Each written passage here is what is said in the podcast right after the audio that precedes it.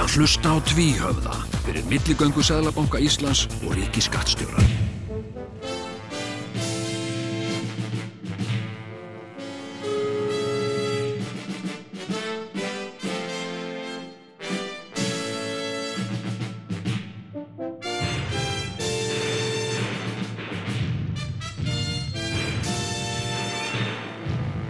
Tvíhöfði þykir ekki verra en flest annan. Jæja, jæja, jæja, jæja, jæja, jæja. Og heyrðu, heyrist í mér? Það heyrist í þér. Já, já, já, Það já. heyrist í mér. Það á að heyrast í okkur báðum, ég Já. heyr ekki betur. En það er svo en- þægilegt, ég sé það sko, það er svo þægilegt með útvarpið Já. sko, ólíkt mörgum öðrum miðlum Já. að sko það getur enginn sagt neitt eins og svo gott þú getur bara sagt það sem þú vilt, það er enginn eitthvað að leðrétta þig eða, eða, eða ekki skilja það sem þú ert að segja? Eða, eða eitthvað svona eins og, eins og Facebook til dæmis eða, Já, eða já, Twitter, já. þú segir eitthvað og þá er eitthvað sem, að, hvað mennur það með því? Eitthvað svona, meinar með því? Skilgreindu betur það sem þú sagði. Og hérna, en, nei, þetta, þetta er nefnilega ekki interaktífur miðill, þannig Nei, séð sko, ekki nema þú takir síman sem að sem er svona útarp sagastæl eitthvað já, já, sko. Já, og við höfum nú stundum gert það. Svo veist í, í þáttunum okkar í gegnum tíðina þegar við vorum í þegar við vorum alltaf í bytni og þá tókum við oft síman það var, það var alveg skemmtilegt að interakta svona við, við, við hlustendur. Jú, jú.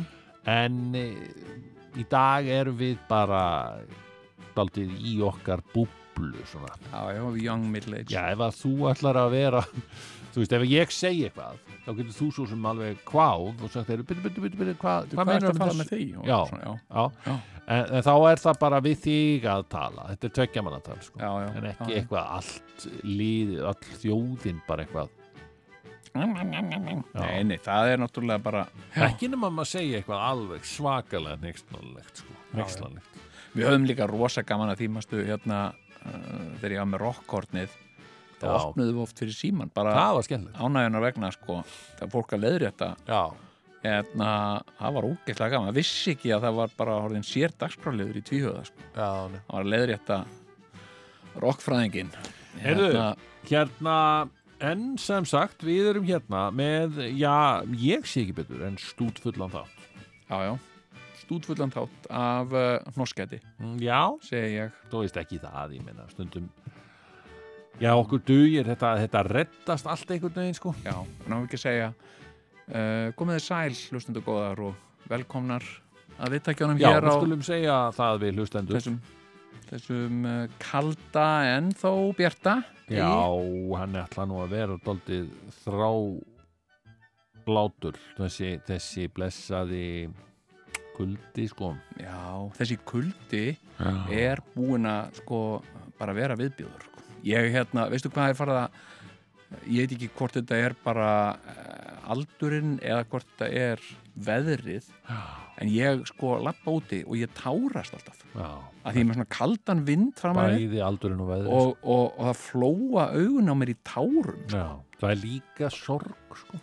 Það er líka einhver svona innbyrð sorg. Já, já, Já, það sko. Já, já, já, já, ok já, sem að brýst út á þennan hátt. Já, náttúrulega að díla við ímislegt já, já, já, ok en það er fínt að, að það sé einhvern veginn að fá einhverja útrá sko. Já, já, já, já, já, já. þessi mikla sorg sko, hérna, Sorg yfir því að búa hérna.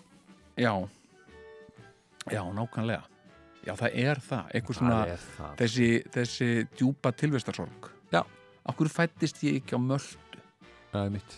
Og hérna, já, En það er sko en, en þetta, það er nú reynda bara alveg það er engin tilvíðun, ég hef nú örgulega talað um þetta áður. Já, að þú veist allar þjóðir búa ja, ekki allar að þjóðir eins og við já, það býr í okkur svona eitthvað boing, eitthvað tráma sko eitthvað, já, eitthvað áföll sem, við, sem að forfeður okkar hafa orðið fyrir sko. Já, ég er algjörlega sammála því. Þetta er eitthvað líka bara, þú veist, þetta verður sko, við erum náttúrulega búin að vera hérna svo lengi og Já, svo einangruð, sko, að við erum, sko, ég er með, ég er með þá kenningu, sko, að við Íslendingar, hérna, við séum ekki bara þjóð, heldur alveg þjóðflokkur, sko. við erum það Já, hérna, og það Hver er er munurinn eitthvað að vera þjóðflokkur og þjóð? sko, ég, hérna sko, þjóðflokkur er eitthvað sem að heyrir til lengri tíma en þjóð getur, þjóð getur bara stopnað sko. Þetta er bara sagt hérna, við erum núna hérna sérstök þjóð og Já, hérna, akkurat, en, en þjóðflokkur, já, við erum þjóðflokkur. Eins og flest, flesta þjóðir reyndar held ég. Já, já, já, já. Rússar eru þjóðflokkur. Jú, rússar eru svona þjóð sem að, er ákveðin þjóðflokkur, já, myndi ég myndi ég segja. Og, hérna, og þú sér hvernig þeir eru alltaf ef þú, þú bara súmar ef þú bara panar með rússneska handbóltalansliðinu já, já, þá Þetta er- þeir allir einhvern veginn. Það er mikið sorg sko, er sorg, mikið vombriði vombriði og grimmt já. þeir eru orðið rosa- fyrir grimmt og svo eru þeir rosa grimmir sko. rússar eru, það var verið að segja mér það voru eitthvað einhverjir hérna, uh, einhverjir terroristar. Já, sem uh, rændu rústneskri, þetta var bara 70-80 eitthvað það var einhverjir hérna, hriðjörkamenn, rændu rústneskri farþegaflugvél og voru með eitthvað svona kröfur um eitthvað já. og hérna, svo var flugvélin sem sagt uh, hérna, og lenda á einhverjum flugvél í Tríbóli eða eitthvað staðar Mm. og hérna svo gerðist það bara að eh, flug, flug, renningarnir voru með handsprengjur og hrískotabissur og svona Mm. Svo bara allt í einu, eitthvað tveimutugum setna þá gáðist þau upp, já, svo bara já við gefumst upp og hérna við, hérna, þetta var bara ruggli okkur og hérna, en vil ekki kröfur okkur, nei, nei, nei, nei bara hérna, pæla ekki, hérna ég, sem sagt, já, getur ekki reynd að glemma þessu bara, eitthvað svona. Og, og hérna þetta var eitthvað svona sem að sem að margir furðuðu sig á, sko. Já, það því að var svo mikill hugur í þeim fyrst sko. Já. og öskrandi út um gluggana og, og hérna með handsprengju og eitthvað svona. Já. En þá var það víst það sem hafi gerst það var að sko einhver uh, rúsneskir hermenn Mm. rúsnesk sérsveit sem, a, sem að bara uh, komst að því hver, hver eru væru Mhm. og uh, sem sagt hverjar væri fjölskyldur þeirra já.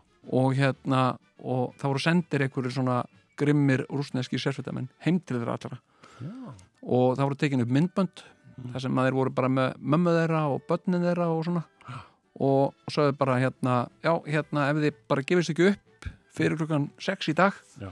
þá hérna ætlum við bara að pynta fjölskyldun ykkur og drepa þau svo öll og, og hérna öss, og eitthvað svona og, hérna, og eftir þetta var, er það bara víst þumalpöttaregla hjá hríðverkamönnum að ræna ekki í rúsneskri vél sko, því það það borgar sér ekki sko. já, og hérna, hérna ég veit ekki hvort þetta er satt sko, þetta var sagt mér sko.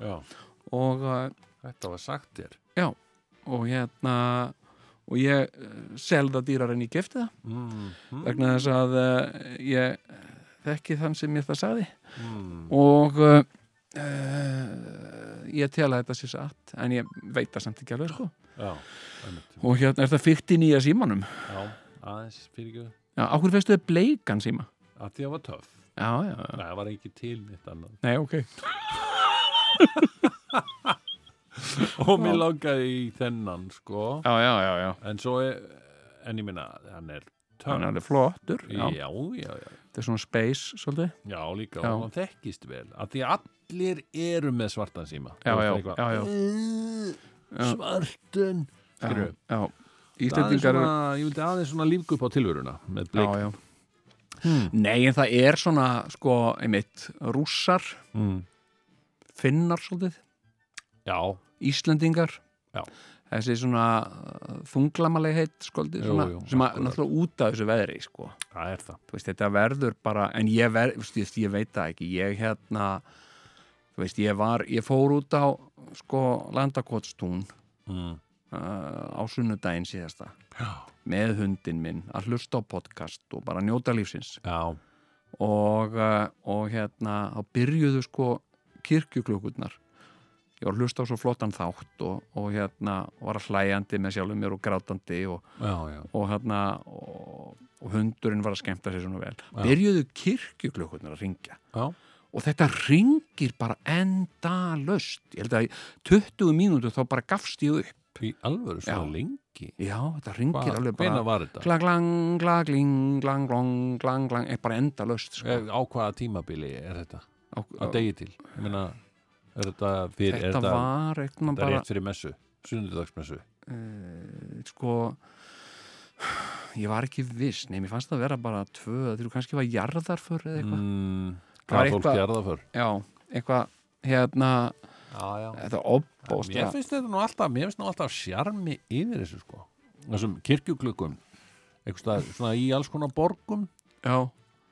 En, en, en, þú náttúrulega ekki ert orðin svo vanur þessu að þú býrð þarna nálægt þannig að þér finnst þetta að vera pyrrandi ég, mér fannst þetta bara að því ég er að að hlusta sko, svo heyri ég ekkert fyrir klukkonum að því ég þarf að vera á túninu og ég þarf að forða mér en ég held einhvern veginn, já, þeir get ekki hringt þessu meir einn svona 5 minútur, en 20 minútur setna bara fór ég, sko. Ertu nú alveg viss?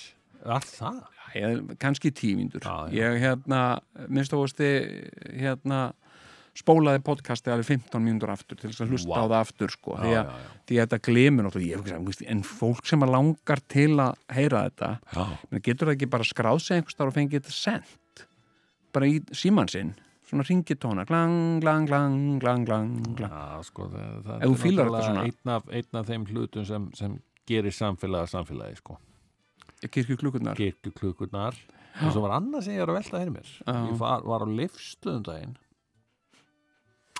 og þá, hérna, og, og ég var að velta fyrir mér, það var Fórstu ekki varlega alveg? í ískápin. Ha? fórst ekki varlega, Jú, á já. Jú, jú, ég var bara að ná í ekkert að, ekkert að koma við neitt og svona, eh, Nei, nei. ok, og ná í þetta mann og, og hérna sem reyndar sonu minn sko Já. og hann var að koma frá Varsjá ok þar er engin koronavírus neitt sko það að neinu viti vegna þess að þeir drekka svo mikið vodka. Jú, jú, það er allra meina bótnum Já, já. Herðu, og, og nema hvað og ég hugsaði, heyrðu það vantar mjólk í ískápin Já. þannig að ég fór aðeins inn í þetta 10-11 dæmið þannig já, já, á leifstöð og, og fór að tekka svona, já, býttu nú, það var til mjólk sko. Já, já, og svo hugsaði, já, býttu og svo kíkti ég að vera með hann Já. 350 krónur kostar lítrin já, já, hjá, hjá, hjá hérna 10-11 í leifstöð já.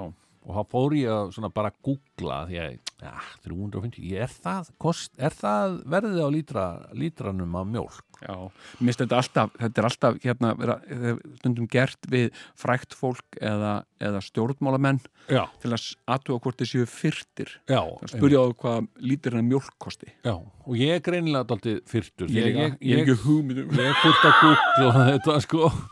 Og hérna og, og ég komst að því að líterinn af mjólk a- almennt í bónus Já, eru 153 krónur. Já, já, ok. eitthvað svoleiðis. Já, og það er náttúrulega bara sko helmingi minna heldur en í 10-11 á lifstöð og, og maður á náttúrulega ekkert að gera ráð fyrir því að, að þú fáir eitthvað á bónusprís þar sko. Nei, nei, nei, nei, En svo fór ég að hugsa þetta enn lengra, ég meina, það eru ákveðnir hlutir. Já, sem að eru einhvern veginn bara sameinlega í öllum samfélögum þar sem eitthvað er bara ákveðið. Já, það þarf að vera kirkja og þessi kirkja þarf að ringja klukkan eitthvað. já, Og þegar það er messa, þá er ringt klukkan 11, já, skilur við. Og svo jú, Það þarf að vera þetta, það þarf að vera hitt. og það þarf að vera eitthvað ákveðin það þarf að vera niðurgreitt mjólk mhm, niðurgreittar landbúnaður þetta er í flestum svona samfélögum. Já, já, já, já, sem sagt mjólk, það er niður hér á Íslandi var tekin einhver, það var haldin fundur já, einhver tíman Já. þar sem að tekin var ákvörðun um það að nöðsynja vörur á öll heimili Já. væru mjólk kjöt að einhver leiti kartöflur sannilega já, og brauð. Já, já, eitthvað svona. Mhm, og, svona nöðsynja vörur, og, að, og ef að sagt, uh, markaðurinn geti ekki séð um að halda uh, prísnum frekar lágum já, já, að þá myndi sé ríkið hlaupöndir bakka já, og, uh, og nýður greiða vöruna. Já. og, og það er það sem að ríki gerir. Og eh, í rauninni svona kannski mm, eh, svona áþreifanlegast held ég að við finnum fyrir þessu hvað varðar mjölkina sko já, því að hún er á skítu ekki neitt ef hún væri á markasverði sko, já, já. En hvað er belja? lítir já, Já, hvað er belja að selja? ég veit ekki ég, hvað meina, hvað er belja að seljast Já, á þú veist, hvað, hvað er beljan að fá fyrir mjólkina? Þú veist, ég veit nefnilega það ekki sko. ef að beljan væri, skilur bara með engal hlutafélag og væri að selja mjólkin úr sér, já, hvað væri, hún, hvað væri raunverð? Sagt, ég held nefnilega að það væri alveg sko ekki minn en 500 kall sko Já, Þú en veist. samt er hún líka, sko, hún er í svolítið svona, það þarf að nærna, það þarf að gefa henni að geta já, já, en svo má náttúrulega mjólkin ekki, sko, súrna, sko. Nei, hún getur það- ekki verið að þrætta um, um verðið og meðan mjólkin súrnar, því þá Já. er engin áhuga á henni, sko. Þá er hún orðin súrmjólk. Nei, já, akkurat sko. og, og, en, en ég meina, ég belja meina, hvað ætla hver ætla verðmættin séu? Fólkin í einni belju? Veit það ekki. Ég, hérna, þetta er alveg big deal, sko, þetta er big deal í öllum, svo veist, í gamla daga. Það, það eignast belju, ég meina last ekki sjálfstætt fólk þegar Mhm. hann, hann hérna eignaðist belju? Já, hann, þarna Bjartur. El, og hérna og, og það var reynd að njóta þess að eiga þessa belju þar til að hann var svo mikill villisingur að hann hann slátraði henni. Já, já, af því að hún er fast svo mikill óþarfi sko. en það er mikið fólkið í, á bænum þú veist, Já, það vildi náttúrulega fá mjólk og eitthvað. Og það er hægt að vinna ímislegt út úr jú. og osta og, og Messu. og misu og allan pakkan þannig að þetta, já, þetta er náttúrulega þetta er pæling sko. Belja EHF Já, hvert væri hennar með- verðmæti sko. það sko, hérna, sko, fyrsta þegar ég hætti að vera vegan, mm. var fyrsta sem ég fekk mér. KFC Nei, m- Missa. ha? Já, það var hérna, sko, uh, ég kefti með Missa. hérna, langaði því svona mikið í mísu allan Já. tíman sem það varst mér finnst Vegan. Missa alveg sjúklega góð, sko. hvað farði mísu? Bara í bónus. Já, en bara seldi í svona fernum eins og mjólk og hérna, nei, ég er svo fyrtur ég hef ekki hugmynd um hvað lítirinn af misu kostar Nei, mú ágátt svirtur Já. Nei, ég minna ef að ég ég var alltaf, ég var að hugsa þetta sko, hérna, þegar ég var borgarstjóri kemur að ég er því spurður að þessu sko Já, Ertu nú alveg búin að missa tengsl við gamla Jón? Já, ég veit það nú ekki eitthvað svona. Hvað, segðu mig hvað kostar lítirinn af mjólk? Eh, 800? Nei, það ekki. 200? Nei, Mm. 500 kall? Nei, það ekki. nákvæmlega sko. Er Ég fór að hugsa, ég fór samt svona að kafa honi það sko Já, Af hverju að ég var þann á leifstöðum það vantaði mjólk í ískapin já, já.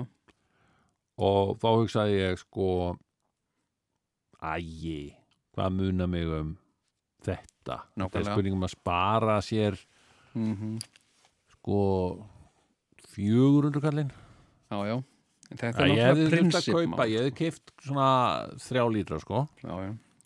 og það hefði þá verið já, eitthvað svoleiðis. Já.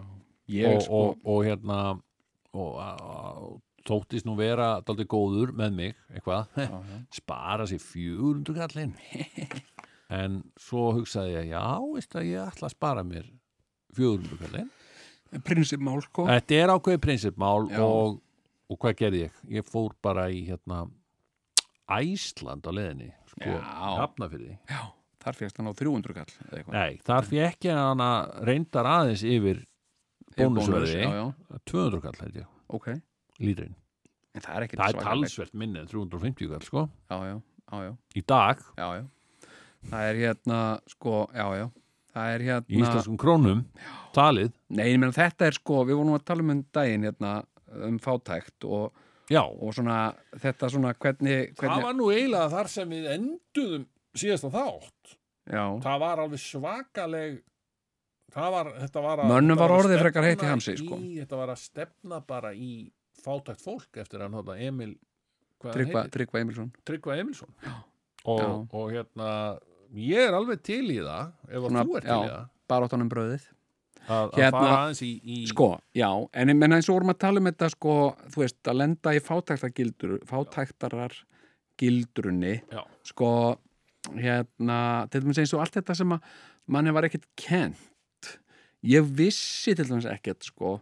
Það tók mig langan tíma mm, að átta mig á því að uh, það var dýrara að kaupa mat, kaupi matinn hjá kaupmanninum á hotninu Já, þó maður fengi skrifað heldur en að drullast alla leðina eitthvað í bónus og, og kaupa það þar ég meina þetta var bara einhver ótrúleg ég, þetta var, þetta jaðraði við það að var í lita á þetta sem einhverjum öfgar að Já. fólk færi í bónus til að gera helgaringöpinn sko. Já, þetta var sko ég hérna, sko, mér fannst svo skrítið ég var með svona kaupmann á hotninu mm. Sem var hérna rétt þar sem ég bjó Já. og ég var með reikning þar eins og allir í hverfinu auðvitt Já, það er ennþá þannig í, í hérna melabúðinni víst já, já, já, já. að fólk er bara í reikningi Já, en þetta er samt sko, þú veist, þetta er bara sko, svo, svo var þetta alltaf miklu, miklu dýrara, miklu, miklu meira heldur en ég gerði ráð fyrir, sko. Já, ég, já. ég áttaði mig ekki á þessu, Já, hérna, og, og hérna, síðan þegar ég kom til þess að semja um að ég gæti ekki borgað þetta já, og þá fekk ég fyrst að heyra hvað þetta væri mikið, sko, já, og þetta var bara eitthvað svona, þú veist, þetta var bara hálf mánaðalönin mín eða eitthvað, sem hann er reikning, já, Já. og svo trú eftir að borga, vá, hvað þetta er mikið með og hérna, mm. Já, og náttúrulega átti líka eftir að borga helmingina þarna fyrir mánuðinum. Já, og hérna, skilur, þetta var bara, þetta kom mér ógæslega mikið óvart. Já. og uh, sko, í fyrsta skipti sem að, sem að uh, ég fór í bónus, já. skilur, og ég var með svona innkaupakerru fulla mat og það kom mér svo óvart, sko, hvað þetta var ódýrt. já. En það var búið, búðin var búin að vera þarna heil lengi, sko, Einmitt, já, og hérna og hérna og sko og svo hefur mér sínst sko, sagt og þetta er, þetta er líka það sem er furðulegt og þetta er svona oft líka bara hérna svona uh, þversögnin í lífinu sko, Já. að mér hefur sínst oft þegar ég er svona í einhverjum einhverjum svona kaupmann og hotninu búðum eitthvað, Mm. kem þar við til þess að kaupa eitthvað eins og maður fór oft til þess að kaupa í skóin eða eitthvað svona Mm. og þá sér maður sko oft fólk í þessum búðum Mm. sem sann, ég ætla ekki að sk- skrifa þetta á mig hérna, Mm. hérna tvo vinston og, og, og eitthvað og vinnabröðslengi og eitthvað svona og sem sagt þetta er mjög gjarnan fólki sem ég er eiginlega fullvis um að hefur ekki alveg efna á þessu, þetta er ekki svona eitthvað Þetta er fátækt fólk. Þetta er fátætt fólk sem er að sko, Gjarnan á náttbuksunum já, Hefur tekið eftir þessu. Já. Það er alveg magna hvað er mikið af fólki sem fer út í búð á kvöldin mm á náttbuksunum. Já, það er næs. Hérna Já, já, það er næs. Það er best að, best að segja ekki meir en það. Já, já, ég hef sko Hefur þú farið á út í búð á náttbuksunum? ekki út í búðin, ég fyrir stundum át að lappa með hundin Ég hef farið út á landakvöldstún sem svo í náttslopp. Mér fannst ég, jú, mér fannst ég mest töff kallinn í öllu hverfinu sko. En ég hitti engan. Sem þetta var engin, þetta var alveg klokkan 11 á þriðudagskvöldið eitthvað og ég nefndi ekki Ég veit ekki hvað það er. Það er bara eitthvað í sjálfum mér sem að segir Ég gæti ekki farið á náttbuksunum eða hvað þá náttslopp eitt eða neitt sko. Nei, en mér finnst líka bara gaman. Mér finnst, ég átti svo flottan áslopp þetta var svona nýr sloppur. Og, uh, og hérna og mér fannst bara synda að það geti ekki verið í honum sko, utan heimilisins. Þannig að ég fekk hérna tækifæri röst út með hundin og náttslopp Einmitt. og, og hérna í styrjaskóm. Börn fólk að fara segja, oft einstæður mæður að fara með krakkana sína á leikskólan í náttbuksum já, já, já, þetta er bara þetta er já, já, en þetta er náttúrulega þú veist, það er eftir að hafa, fara síðan aftur heim og hafa sér til já, og svona. já, En það eru svona, sko, það eru svona, sko, nokkri rángir hlutir sem, a, sem að við gerum án þess að gera okkur grein fyrir. Það er með sinns og þetta, fara eitthvað í náttfötunum, uh, gefa, ránt gef, rán, uh, já, gefa köttum mjólk, það er, það er bara mjög rán. já, mjög ránt Uh, hérna, kettur eru bara rándýr og, og ef þau vera, vera þystir þá er bara að drekka vatn já, og hérna, og, og láta börn sofa úti í kerru. er það ránt? Það er ránt, já, það er hérna uh, já, það þetta kom til sko, uh, þetta byrjaði sagt meðan að fólk bjó í uh, litlu húsnaði og, og hérna og það voru börn sett út sko þannig að, að hérna það var þetta þrýfa og svona heima á þess að vekja börnin sko. Og, og hérna og taka til og svona. En byrju, já, hefur þetta ekkert engin góð áhrif á börnin? Þetta er sko ekkert frekar, nei. Þetta er ekkert góð eða slæm. Þetta er ekkert eitthvað allra menna bóta að láta barn sofa úti, skilur það er bara ef þetta væri svona ofbóðslega holt eins og margir vilja uh, sko vera að láta Mm. þá væri mikið meira af fullóttu fólki sem svæfa alltaf úti. Sem að væri bara með svona fletti sem það, já, nú er ég að fara að henda mér í kóju og bara plompa með einhverjum stól og sofa úti skilur já, já, hann er, þetta væri svona svo heitupotta kæftaðið, skilur Já. þetta var allra meina að bóta að komast í pottin og eitthvað, að sofa úti en það gerir þetta enginn og hérna og Já, hérna þetta meikar náttúrulega engan senn sem var hugsa þetta Nei, nei, ég meina að dúða börn í ykkur alveg kappklætt og út að svo, ég meina auðvitað, auðvitað eh, gerir þetta ekki í rauninni e- einhver megin sko ef að barnið er vel klætt en ég Já, meina, ég meina, þú veist, þetta meikar alveg sens ef þú ætlar að fara bara í góðan gungutúr með barnavagnin. Já, já, og barnið sopnar þá venjulega. Já. Og þá er fínt að hafa það dúðað og svona dattara og dútturú Jú, það er alveg rétt og það er bara hugulegt og gaman. Já, já, ég gerði þetta á sín tíma sko og að, að það var helvíti næs stundum að Já, fara já. að taka langa gungutúr já, já. Með barnið sofandi í svona Silver Cross. Jú, jú, það er alveg og koma við á einhverjum veitingastað og fá sér smá, smá, smá eitthvað. Hressingu, já, já, já, sko. já, ég meina ruggaði maður kerrunni vagninum sko. Já, já, ef að barnin byrjaði eitthvað að umla. Já, já, já. En ég meðan þú veist kaffibóla Já, en það er ekkert, ekkert sem að skilur sko, auðvitað sko, barnavagnin hann hefur náttúrulega þá náttúru að börn sopna í þessu vaggi það verður svona vagg og börnin sopna Já, en það er ekkert að því til dæmis bara að vera með barnavagn inni. Ég meina, ef þú til dæmis býrði í 150 fermetra íbúð þá er engin sérstök ástæða fyrir því að það er ekkert mikilvæg ástæða fyrir því að fara út með barnið. Nei, nei. það getur alveg haft það í kerru eða svæfta einhvers bara eins og þægilega styr en, En, en, hvað hérna, með ef að barnið er nú bara þú veist, það þarf nú sitt loft og svona. Já, já, og smá svona, anda sér frí, frískulofti. Jú, jú. Já, já, en ég menna, sko það er fær bara opin, með því að fara- opin gluggi og Já, bara f- ferskt loft og, ok. En ég menna, þú veist menna, Ég var látið vera nefnilega í vagni úti sko. ert, Ég er þannig barn. Já, og það var hundur sem að bara stilti sér alltaf, þetta er ekki hundurinn okkar sko. Var, þetta var hundur nágrannas og hann bara stilti sér alltaf upp hjá mínum vagni sko. Ok, og, og láð þar alltaf. Helt vörð. Já, Já. hann var vörðurinn.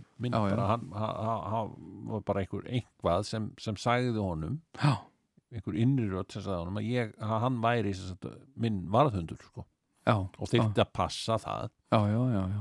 að, að láta vita ef að barnið myndi fara eitthvað að væla rosa skrítið maður. Ég hérna sko hérna uh, við áttum sko þegar ég var barn Já. þá áttu fóreldrar mínir kött. Já.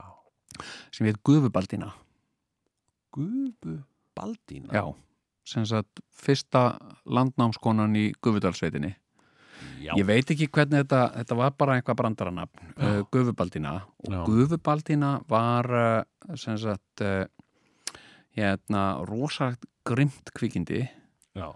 hérna og uh, kettir gjarnan eru Já, hún var svona stór og mikil sko Mm. og stundum ef að fólk var að eitthvað að, henni eða eitthvað svona þá klóraði hún það og reynda að klóra það í andlitið Já. og hérna, og einu sinni var kona í heimsókn hjá mömmu Mm. og, og mamma var að segja passaði á kettinum, hann er, hann er, þetta er skaraðiskvikindi og, og hérna hann getur klóraði og eitthvað svona Mm. og konan var eitthvað svona klappa Guðbaldin og Guðbaldin var að mala og hérna og, og, og, og hérna nutta sér eitthvað upp við hana og konan sagði hvað er verið að segja svona ljótt um þig að þú sért eitthvað skapst eitthvað svona bara klóraði hann bara stórt ör hérna niður eftir andlitinu sko. Hún var alveg svona sko. Já, og þetta er bara, eh, svona er fjöl, mín fjölskylda svolítið. en hérna eins og guðubaldina Já, svona, já, já, hérna en, en sko, síðan náttúrulega pabbi og lögga Mm. og alltaf sagt, löggurnar sagt, komu, Mm. ef kom einhver lögga heim, Mm. þá réðist guðubaldina á alla lög, alla svona einkennisbúninga Já, og menn áttu bara fótum sínum fjöra launa, sko, því hún Já. bara hún læsti, sko, kjafti og klóm bara í, í þá, sko og hérna, en sko, svo þegar ég kom til þá sem sagt byrjaði guðubaldin að gera þetta Mm. að hérna að hérna, þegar ég var í batnavagni þá fór hún í batnavagnin sagt og lagðist svona einhver staðar sko, niður með sko, lág svona niður með Já. og uh, síðan þegar ég svona sko byrjaði eitthvað svona að hreyfa mig og svona Mm.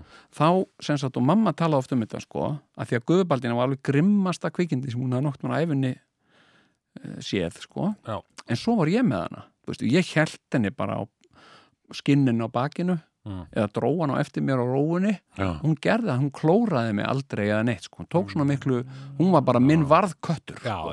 og hérna bara varðkötturinn mikli sem að, sko hérna var einhvern veginn, já, þetta er skrítið sko. Já, þetta er eitthvað er svona nú þannig bara, ég maður á aldrei að treysta köttum, þeir eru skadræðiskvikindi sem og smáhundar, já, þeir eru bara ömuleg. Ég veit það ekki sko. það er nú margir sem taka Nei, já, ok, ég veit alveg að það er ofsalega margir, það eru örugglega 50 ef ekki 60% þeirra sem eru að hlusta núna já, sem eru hundavinir já, Nei, af þeim sem eru hundavinir þá eru Já. 60% þeirra alveg brjálaði núna og munu örglega kannski skrifa á hundasamfélagið á Facebook já, já, já, já. en ég ætla samt að segja það sko að, að smáhundar, litlir hundar eru miklu bæði grimmari heimskari og leiðinlegri en stóri hundar.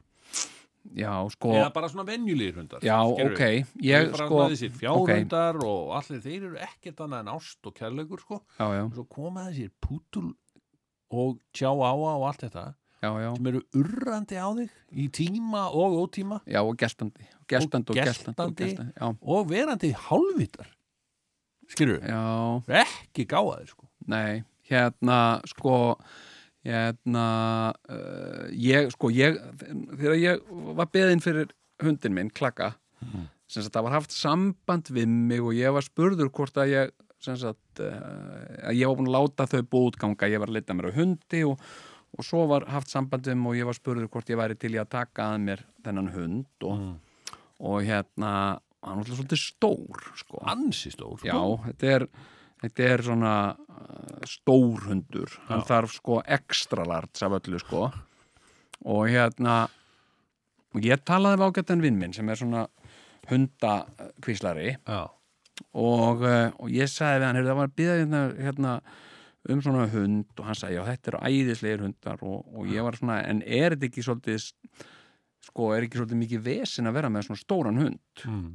Og hann sagði og mér fannst þetta svo hann sagði hérna og ég uh, sko hlýtt oft á ráðleggingar hundakvíslara. Hann sagði hérna hérna mm, sko því minni sem hundurinn er því meira vesen er hann.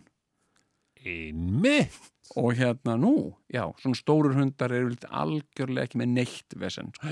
Akkur. Ó, ok, nema bara þeir eru stórir. En hérna, og það hefur alveg gengið eftir. Hann er ekkit með neitt vesen. Það er líka svo dullulegt skilur við, stórir hundar sem upplifa sig eins og smáhunda skilur við eða, þú veist, þeir eru Já, svona já. "Ó, langar að fara upp í fangið þitt og eitthvað svona skilur við Já. en eru allt og stórir? Já, já og hérna, já, já, og þeir gera sér heldur ekkit grein fyrir sko hreinleiti Nei. þeir átta sig ekki á því, sko nú er ég blöytur og nú ætla ég alveg að hlýfa húsbónda mínum við því að vera eitthvað að- koma upp í rúm til hans. Hérna, þeir, hafa ekki þetta nei, nei, touch, sko. og hérna, en sko, e, þetta er alveg rétt hjá honum já, já er það ekki? jú, nema, sko En hvað með klaka? Nú er hann risastór, er, er ekkit vesinn á honum? hann fer rosalega mikið úr hárum sko, og hérna ég þarf að ríksuga sko, helst þrísvar á dag Já. þarf að fara um allt og ríksuga uh, hérna, og við gerum það nú nokkuð samvisku samlega sko. Já. svo er sko mm, hérna uh, sem sagt sko stundum eins og sko uh, fjórir eh, gamlir menn hafi komað og, og prumpað bara inn í, í borstofu það er, stundum er, bara prumpa, já. sem sagt sko þegar það er eitthvað svona í gangi í malakútum hans hann prumpar sko, það Já. er bara það er, Ertu, ertu með hann á ráfæði? nei, ég er bara Nei, með hann ok. á, á, á þurrfæði sko, ég Já, gat bara það nú ekki já, sko maður. Hann sko væri að borða sko kíló af kjöti á dag sko, ég bara get ekki staðið því. Ég var bara komin með litla sko uh, kjötvinnslu bara inn í eldúsi hjá mér sko. Já, já, já. hakka og saksa kjöt alla daga sko, ég bara gafst upp á þessu fekk þurrfóður sem er alveg ágætt og svona. Ok, og hérna og hérna þannig að, þannig að þetta var alveg gengið eftir og ég var annað sem að, að hundakvíslari sagði mér. Og, það, og sá hundakvíslari hún var kona já, og hérna og, uh, og það hafði með það að gera þegar ég sem sagt að, að velja kvolp úr goti Mm. og hérna og ég sagði eitthvað, já, hérna ég er svona veltaði, veltaði fyrir okkur hvort við erum að fá okkur sko hund eða tíka hund, við fá okkur hund mm. og hérna nú, en, en hérna eh, en af hverju hund frekar en tík bara, þú, þú vilt ekki tík sko. og ég sagði en, en, en af hverju bara, hún sagði það, að ég á ekki, ég á ekki að segja þetta en veist, það er ekki ástöðulausu sem að erfiðar konur eru kallar tíkur Nei Jú. Nei jú, hún sagði þetta við mig Ha? og hérna, og, ég, og hún sagði fáðu bara hund, þeir eru miklu Já. og hérna, og þetta var bara svona með fyrstu hundum, svona þegar ég var að pæli að fá mér hund, sko. Og, hér, og þetta er mér alltaf minnistætt, sko. Og síðan hef ég bara alltaf átt hund. Ég hef aldrei einhvern Ég veginn hef lagt aldrei í að heyrt neitt neina hryllingsögur um, um fólk sem er með tíkur. Nei, en þær, þær geta verið sko ákveðnar. Þær geta verið alveg rosalega ákveðnar og, og sko klaki Já, klaki hefur farið í pössun já, til fólk sem er með tík já. sem er á, á svipuðu, svipuðu hérna svipuðu tegund og hann svona stór og mikil og, og hérna hún er ógæðslega frekk sko. Og hérna ég sko mann ánútt ekki að hafa þetta eftir sko. En hérna sko hún er, hún er sko uh, heimilisfólkið sko kallar hann að tuss Ha, nei, nei, nei, við skulum nú bara ég ætla ekki einu svona kvá ég heyrði það sem þú sagðir já, en við skulum vona að hlustendur hafi ekki heyrt nei, nei, þetta. það verður Dotti Nei. pípar yfir þetta eitthvað já, já, já, en hérna þau kalla hana þetta og hérna hún er rosa frek og, og hérna og hún er rosa stjórnsöm. Ég, ég var nefnilega já, ég, en klaki er bara svona plísir Já. hann er ekkert að fara fram og neitt hann vil bara sem sagt vera mann til geðs Ge ég skal segja það, það var tík á mínu heimili. Já, uh, þegar ég var uh, frá já, ég var 12 ára þegar hann kom. Já, og svo dó hún og þá var ég orðin uh, 16 já, já. Og hérna þannig að fjögur ár æfuminnar var tík á heimilinu. Já, og hún sem sagt ég, jú, hún, hún var bara voðalega góð já, skilur hún var bara indisleg já, hún, en, en auðvitað var hún kannski, ég var náttúrulega bara krakki þarna eða svona unglingstáningur. Já, já, og hún kom til manns og fekk mann til að klappa sér og klóra sér á manum. Já, Eh, það var ekkert mikið að frétta annað hjá henni basically nema hún átti vandræð með það að, að hérna hún var alveg brjáluð þegar að bílar kerið fram hjá Já, svona, og stundur láti vera laus og þá fór hún að elda bíla. Já. en já, já, það verður einhver að gera það. Já, að hún var að reka þá áfram sko, það Mhm. er það sem hundar gera þegar þeir eru að elda bíla.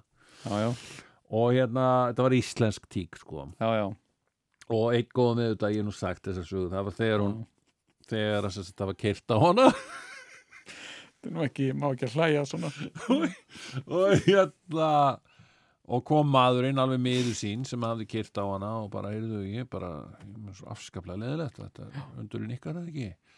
Og þá kemur hún með annað auga, svona lafandi niður bara. úr augtóttunum mm en með dinglandi skottinu alveg rosalega stolt af sjálfur sér og bara halló húsbóndi, sjáðu hvað ég var dugleg. Já, já.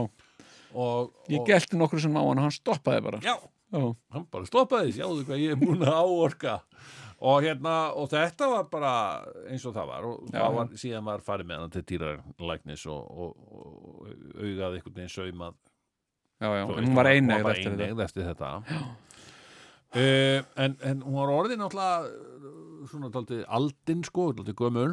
Já. en hérna, hún átti þetta til líka að skríða upp í rúm til mín Já, á nóttunni. Já, bara svona ekkert að spjalla ég fór bara að sofa og svo sopnaði ég og svo bara vaknaði ég vitt við hana svona, svona, eða þú veist, maður svona rumskaði aðeins og þá var eitthvað svona loðið og hlýtt við já, það var þá til næs. Já, það er næs. Og svo er saga Já, af Sisi sem að litli bróður minn þegar að litli bróður minn var lítill skilur við og þá hérna hann hefur verið kannski svona fimm ára hann man eftir þessu. Mhm að hann vaknar í herbygginu sínu. Já. bara eitthvað lítill í sér. Já. bara var, hafði dreymt einhverja martröð eða eitthvað. Er litla skinni og bara eitthvað. Og mamma og pappi eru sofandi bara allir eru sofandi sko. Þegiðu, þegiðu og, og bara hrótur í hinum herbygjónum sko, eitthvað lítill í sér. Mhm. Heyrðu, kemur ekki Sisi, hún hétt Sisi Já, kemur hún ekki inn í herbyggi til hans bara já, og bara huggar hann. Svona, hann fann svona einhverja móðurlega tilfinningu frá já, já. þessari já, já. tík Já, já, já. sem að hún bara, eh, bara sleikt hann í framann já, og, já, og, og, og- lagðist upp í rúm til hans og svona Og já, já, Já. já, já, já, já. Þetta er, sko, dýrin er náttúrulega alveg sko, sko, fáran mannstu eftir kettinu sem ég átti sem hétt Askur? Hann var rísastór og hvítur hann var svona síams eitthvað. Já, hérna, hann var rosalega stór já, opbóðslega svona uh, hérna og ég var þetta var köttur sem að var eitthvað svona rosa fín tegund já, og einhver í fjölskyldun minna hefði fengið sér hann. En gat síðan ekki haft hana því að kom upp katta ofnæmi eða eitthvað og ég var beðin um að taka ask. Ok. Og hérna sem ég og gerði. Já. og, uh, og hérna hann leit á mig bara frá fyrstu stundu þegar hann kom. Já, hérna og hann frá hann, hann, hann mjálmaði svo mikið að var eins og hann var að reyna að tala. Og svona og ég og alveg frá fyrstu stundu þá horfði hann á mig og hann hugsaði þessi maður er leiðtói míns lífs. Og hérna já. Hann, hann hérna sem sagt uh, á modnana.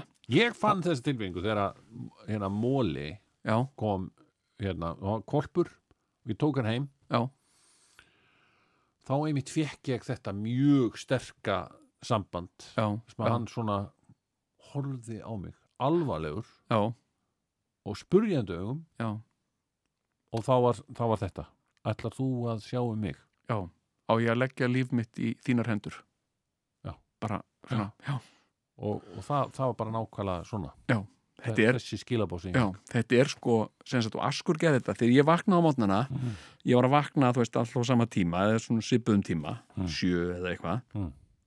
hann svaf upp á, sko, hann vildi sofa svona upp á fataskáp já, og alltaf, sem sagt ímist sko í kringum sjö Já. sem sagt, á, rétt áður en klukkan mín ringdi já, eða þegar hún ringdi Já. Og tala nú ekki um ef, að ég, ef að klukkan ringdi og ég vaknaði ekki Mm. þá stökka niður á skápnum og ána mig.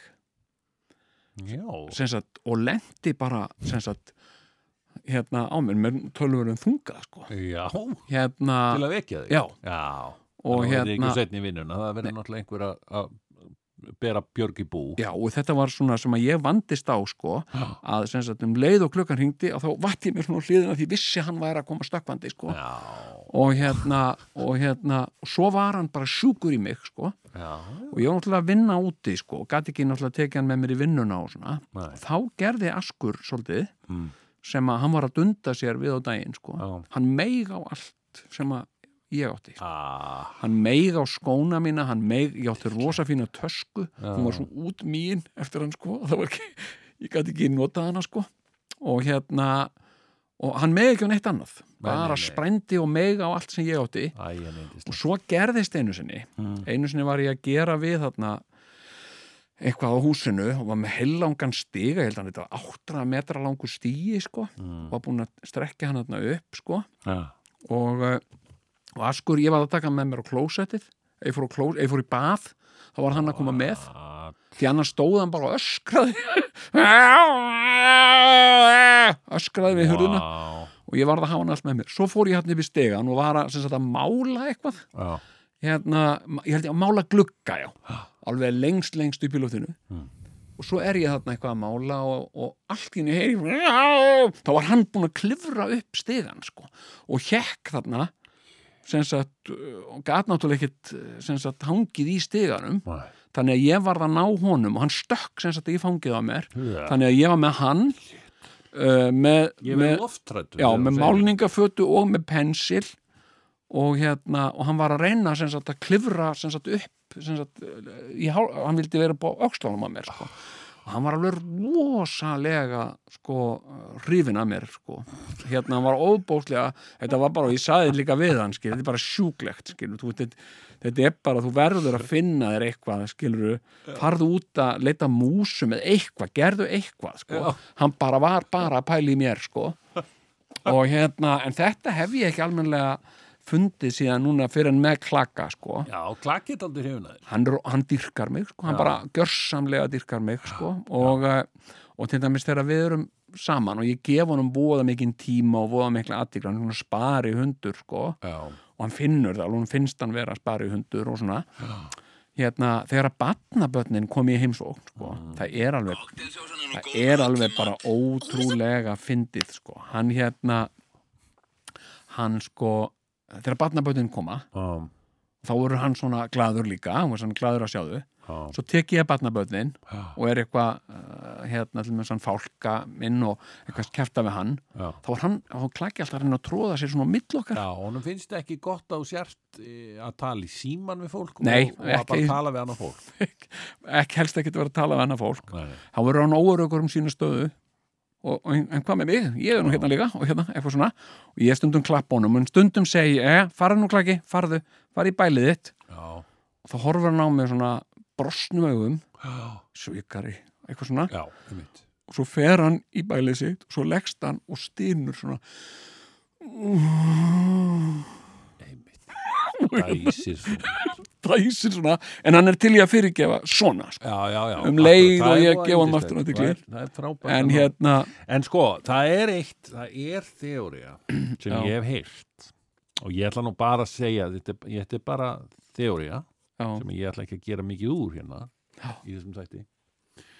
Því að ég veit að þetta, hún gæti komið kannski frekar illa við einhverja af okkar hlustundum ok, það verður þá í fyrsta skipti í þessum tætti sem við gerum eitthvað svo Já, leiðis eitthvað svo leiðis Já. og, ok, en við, getum allt, við erum alltaf til í að prófa eitthvað nýtt. Og að því að ég er að segja sko litlir hundar séu Já. svona já, hættulegir bara basically. Já, já, já, þannig, næstu því. Jú, jú. að þá er talað um það, ég hef heyrt þess að þið ég seldi ekki dýran en keft hana Nei, en að, sem sagt að þú ert ekki að fara að segja eitthvað svona litlar tíkur Nei, Nei, ekkert ok, svoleiðis ok. og ekkert, engin kvennfyrirlitning. Nei, nei, eða neitt slikt heldur er sagt að, að hættulegustu mennirnir já, og svona hættulegasta fólkið já. séu litlir kallmenn nákvæmlega eins og ég hef alltaf sagt. Hef lágvaksnir kallmenn Já. séu svona það, það séu svona, ég kannski, já þeir séu svona þeir líklegastir til að já, til að býta frá sér sko. já, já, ég hérna sko, hérna El Chapo sá litli, þarna mexikóski glebamaðurinn Já. hann var bara kallaður sá litli, sko hann var lítill hann var lítill og er það, er hann ekki ennþá til Já. Jú. og ég, ég svona, sko, ok þetta, þetta er bara einhver þeóri já, og ég fór eitthvað að hugsa já, býttu hvað ha, litlir kallmenn þá svona hef ég þú veit, ég get Já, já. að einhverju leiti sko ekki tekið undir það ég myndi þetta það ekki í hug. En að, en að sko svona skila einhverju leiti hvað einhverju er að tala um. Já, já, vegna þess að sko einu skiptin sem ég verð fyrir áreiti vegna þess hversu hávaksin ég er já, já, ekki er þegar að ég hitti litla kallmenn, eða sko ekki alltaf, nei, nei, en nei, í, a, í öllum tilvikunum sem það hefur gerst. Svo Pétur Jóhann. Já ég myndi ekki já. segja reyndara hann, á- hann hefur nú aldrei mynd mig á það Nei, nei. sérstaklega en ég, ég mér hugsa sko þegar ég hef orðið fyrir ykkur svona eða Já. þú veist að kallt hann uppi og eitthvað svona já, þá er það lítill kallmaður sem, Já, er, já. sem er þá yfirleitt afskaplega pyrraður og telur sig hafa eitthvað svona veiðileifi á mig kannski búin að fara í eitthvað lengingu og eitthvað já, eitthvað gengið illa keift eitthvað á netinu Svo, og ég var að gest bara ég bara hitti einhvern mann sem ég þekkti ekki í já, já, og hann bara gat ekki hætt. Kallt hann uppi Kallt hann uppi? hvernig er verið? Og já, Já, skemmtilegt Já, já. og þetta var svona einhver brandari sem hann taldi sig eiga rétt á að segja. Já, já, jú, jú. En maður svona mál. svona eins og kvikmyndasögunni ég meina eins og Minimi hann var ekki sérstaklega vin, vinsamlegu náungi sko. nei, það var það ekki. Það var hérna grimmur. grimmur sko.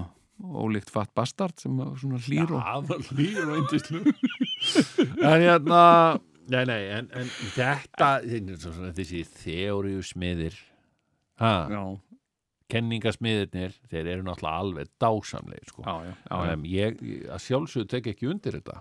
Nei, nei, nei, nei, það er hérna en, en uh, svona já, já, en það er svona sko oft svona uh, smávaksnir menn, þeir bæta oft upp með sko gremju með, með einhverju heift og En svo er líka til smá lágvaksni menn sem eru, eru bara eh, ekkert annað en ljúmennskan einn sko.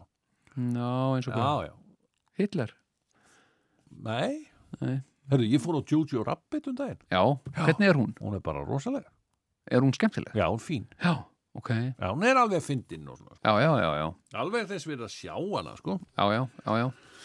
Hörru, nei, hérna, já, eins og ég sé, það er alveg, þetta er náttúrulega, menn koma í öllum stærðum og gerðum, sko. Já, já, já, já. og, og það er ekkit, það heldur engin ávísin á það að, að, að við hávöxnumenninir og stórumenninir séum eitthvað, eitthvað meiri ljúmenn en aðri sko Nei, ég sko, nei, nei, nei, sko, byttu fyrir þér sko, yngsti sónu minn, mm. Hérna, hann var með, hann var með þetta á heilanum. Sem sagt, hvað hann yrði hávaksin. Hvað verði ég hávaksin? ah, Og hérna, og ég sagði, þú verður 1,82 og hálfur, mm. eins og ég. Mm. Hérna, nei, ég verður verður örgla hávaksnar en það. Sagði, það er alveg mjög hávaksið. 1,82 og hálfur, sko. já, og hérna og uh, hann var ekki sagt, ég var svo viss í minni sög að ég uh, veðjaði við hann. Sem sagt að hann yrði uh, 5.000 kalli. Hann yrði sko 1.82 og hálfur. Já, og ég saði þetta, hann var mikið að velta þessu fyrir sér. Mm. hvað heldur ég verði hávaksin yfir fullvaksin 1.82 og hálfur sentimetri. Já.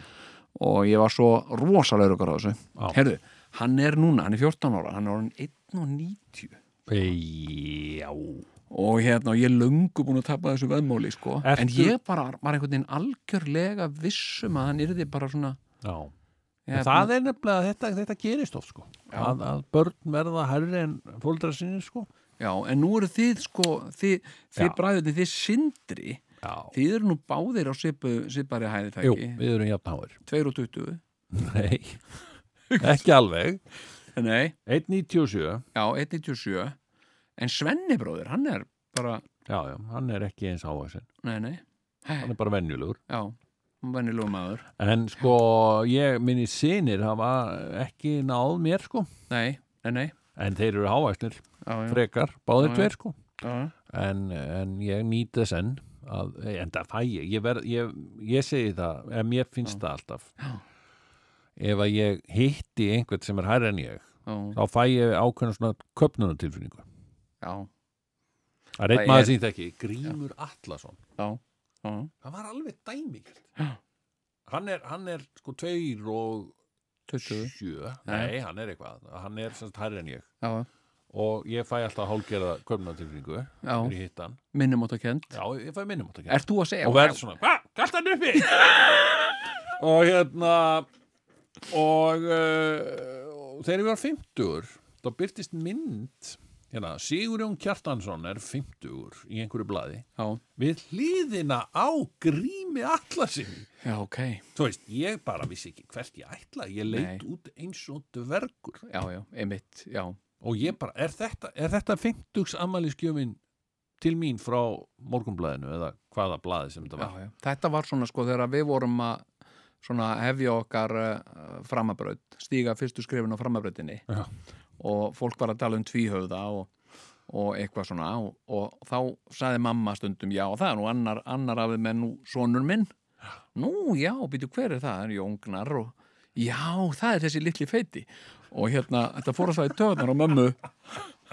Hann er ekki lítill og hann er ekki feitur. Og hérna, og hérna Nei. já, er það þessi litli feiti? Því ég virkaði alltaf bara svona einhver svona Já, freka Hérna- bara svona þippin og lí að því ég var svakalega stór og svakalega mjó já, þú varst náttúrulega sko svona horrengla sko. Ég var og það hérna og hérna, en ég hef aldrei sko, ég hef aldrei verið upptekinn af sko svona hérna af hæðinni sko, Nei, ég hef aldrei ég er Nei, ég, hæða blindur já, ég er það, ég hérna hérna, sko, ég hef ekki tekið eftir því að fólk sé sérstaklega, sko, ég reyndar, ég var á flugvöllum daginn Já, og þar var maður já, sem að var örglega bara svona 2,5 metr eða eitthvað hérna, og ég held hann hafi verið einhver svona köruboltagæðir Já, já, ég menn ég tek alveg eftir því ef að menn eru alveg einstaklega háir Já, sko. ég átti alveg fullt í fangið með að vera starf ekki á hann sko. já, já. hérna, því hann var alveg tveir og hálfu metr á hæð sko. Hefur farið í safnið í, á Dalvík hérna Jóhann Rísi Jóhann safn? Risi, það nei. er æðislegt já, ég mæli með því, bara við hvert sem er já að bara, sko, tilefni til að fara til Dalvík já, sko, það er bara, bara, það er bara tilefni. Það Já. er mjög gaman sko. Já, já, fara þarna og skoða skónans og stólinans og allt þetta dót sko. já, já, já, hvað var hann, þrýr metrar eða eitthvað? Hann var, nei, nei, ekki alveg. Tveir og sjötjú eða eitthvað svona. Já, tveir og eitthvað óða mikið. Já, já, já, svakalega hár sko. en pældi ég að vera svona hár og detta framfyrir því maður?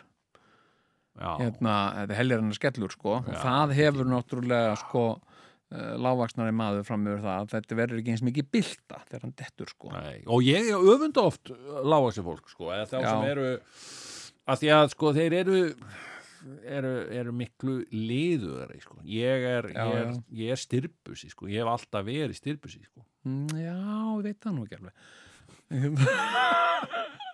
eða þannig séð sko. það, það, fer, það er meira vesen fyrir mig að gera alls konar svona hluti eins og þú veist, það það fer alveg með mig sko, að, mm, að leita einhverju undir sófanum.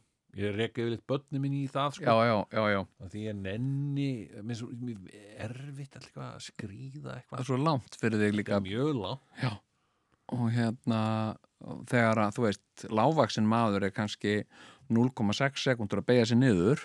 Eða segjum 2 sekundur þú er 5-6 algjörlega. Og hérna það er bara þannig sko. já, já, tekur hérna þetta er aðeins meira effort já, já, já, já Heyrðu, ég man já. alltaf eftir hérna sko, hérna kom einhver uppistandari, einhver breskur uppistandari já, sem kom til Íslands Já. og uh, var með uh, uppistand í kaffileikúsinu og það man ekki nokkur maður hva, hvað hann hét Nei. uh, en hann var með mjög fyndið, hann var svona hávaksinn hann var sem sagt held ég yfir tveir metrar Já. og hann var að segja hann hefði komist að því sem sagt að hann fjalli undir skilgreiningunni að vera rísi já, sem sagt ef þú ert yfir tveir metrum þá ertu rísi þá ertu rísi já, ég, og hann sagði, sko, hann hérna hann sagði þetta gaf mér svo mikið yfir unglingur sko, mm. að ég upplýði sem sagt ég er orðin rísi já, vá. Og hérna og hérna og hann fór að ímynda sér sko að hann væri sko sem sagt hann væri svo hátt upp að fólk sæi ekki almennilega framann í hann Mm. þannig að beigja sér niður til fólks já, og veifa til að láta fólk vita að hann sæi það sko af því að hann sagt gegst upp í því að hann væri rísi. Já, og hérna, þetta er mjög, mjög skemmtilegt sko, en hérna já. en ég er með sko smá uh, hérna, ég, vaða úr einu í annað. Sem sagt talandi um dýr og hérna, hann sagði mér, talandi um aðeins hérna reysamál já, Kári Stefansson, já hann er nú ekki rissi frægur maður, hann er ekki reysi nei, en hann er, hann er uh, þokkalega hávaxinn. Já, hann ég hafði aldrei hitt mannin áður. Nei. og, en ég var á frumsýningu á bíómynd. Já. og hann satt fyrir aftan mig. Mm eða við hliðin á mér eða, eða svona mjög nálægt mér. Já, og hann hérna kom og hann spurði hvað er þetta hár Sigur Ján ha, já, ég söll eitthvað, hann vissi bara hvað ég hétt hvað er þetta hár Sigur Ján ég, ég, ég er eh, 1.97 já, þú átt eftir að minka svo er sko já, já, og hvað? Já, hvað er þú að segja og, og þá var þá komum við skýringu á, á því að það var sem sagt, þú mynd minka og, og að því að það er staðrind sko, maður með aldrinum já, já. þá mun, mun maður aðeins minka Já, sko. ég er ekki 1.82 og hálfur lengur sko. Nei, ég er örglega ekki 1.97 lengur sko. Nei, nei, en ég ætla, kannski bara þegar ég kem heim þá, þá bara kannski kekka ég á því já, já, já, já, en hérna en hann er, þetta er þeorían sko. Já, já, já. En Og mér þetta bara, bara um þetta gerist sko. Og hérna og hérna, En Þetta, þetta var skemmtileg viðkynning. Þetta er fyrsta sinn sem ég talaði við mannin sko. já, já, já, já. Og þá þurfti hann endilega að koma bauna þessu fram, framan í mig sko. Jú, þetta er svolítið hans stíl sko. Já, svona segja eitthvað sem að enginn mundi segja. Og Einmitt. hérna og hérna margar það eru margir sem eiga hérna, hérna svona sögur af honum sko Já. og, eh, og hérna uh, já, já það er margar svona En- Ká, Kára Stefánsson sögurnar sko eitthvað- sko, erum við, eigum við að fá lag Eigum við að fá lag og detta svo hérna inn í Sko. eitthvað annað já, að því að, já, fara úr einu í annað úr eini annað Já. ég er nefnilega að fara að venda kvæð okkar hérna aðeins í kross úr lægi í eitthvað annað Já.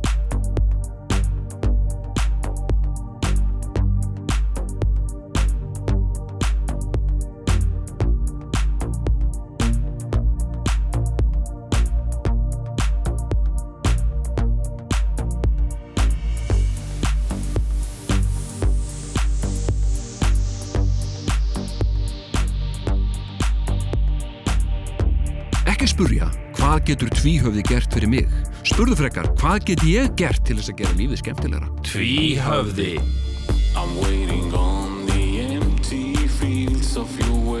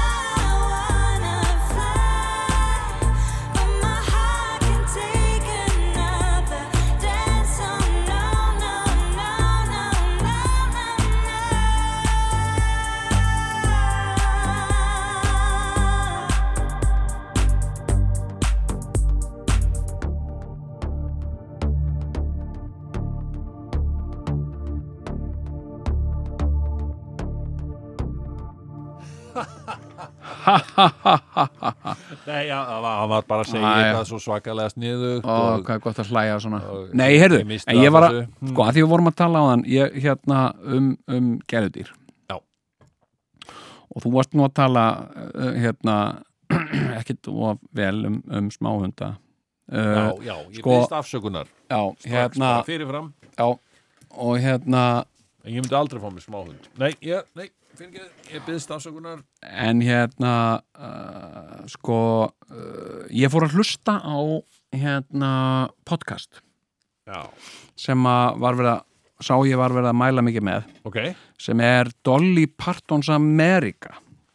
Og uh, Já, já, já, já, eitthvað hef ég heyrt um þetta. Já, og hann gerir þetta maður að nafni Jad Abumrad sem að sem að hérna hefur verið með annað podcast sem að heitir Radiolab sem að ég hef haft sérstætt álati á og, og, og hef haft bara mikla ánægju á, af honum. Já, og hérna og hérna uh, þannig að ég, og ég veit bara þú veist, ég veit lítið um tónlist uh, og bara vissi nákvæmlega ekki neitt. kannski ekki allir á sama máli. Nei, nei, ég veit það. En, en svona, Nákvæmlega. Þá- þá vita nú sumir Meir um tónlisteldur en þeir láta. Já, og ég hérna og Dolly Parton, hún hefur verið til allt mitt líf Já, líka mitt. Já, og hérna og Dolly Parton er að gera eitthvað og Dolly Parton er að spila eitthvað lag eða, Já, já, eða Dolly Parton er að leika einhverju mynd og eitthvað svona, þetta hefur svona farið fyrir ofangar og neðan hjá mér, ekki alveg mitt áhuga svið já ég Uh, hef ekki séð einu sinni sko 9 to 5 Nei, nei, nei, nei, myndina sko. Nei, nei. Sá reyndar einu sinni mynd með henni og James Woods James Woods Já, þeim, já. þeim svakalega leikara sem Já. var alltaf rosalega brjálaður Hann var svona næstu því Kristoffer Walken sko. Já, en hann var, nei, hann var ekki eins cool sko. Nei, Hann nei. var alltaf, hann var alltaf með alltaf hann var með alltaf hornum sér þetta er mjög skrítin ringing. Hvað? þetta Koktelsósan er nú góð með öllum maður Þetta er úr leikritinu mínu súper Já, já, já. Hérna, hérna, fekk leikarana til þess að henda þess inn í upptöku fyrir mig sem ég geti notaði hringingu Koktelsósan er nú góð með öllum mat Hún er svo friskandi Já, hann er, já. Já.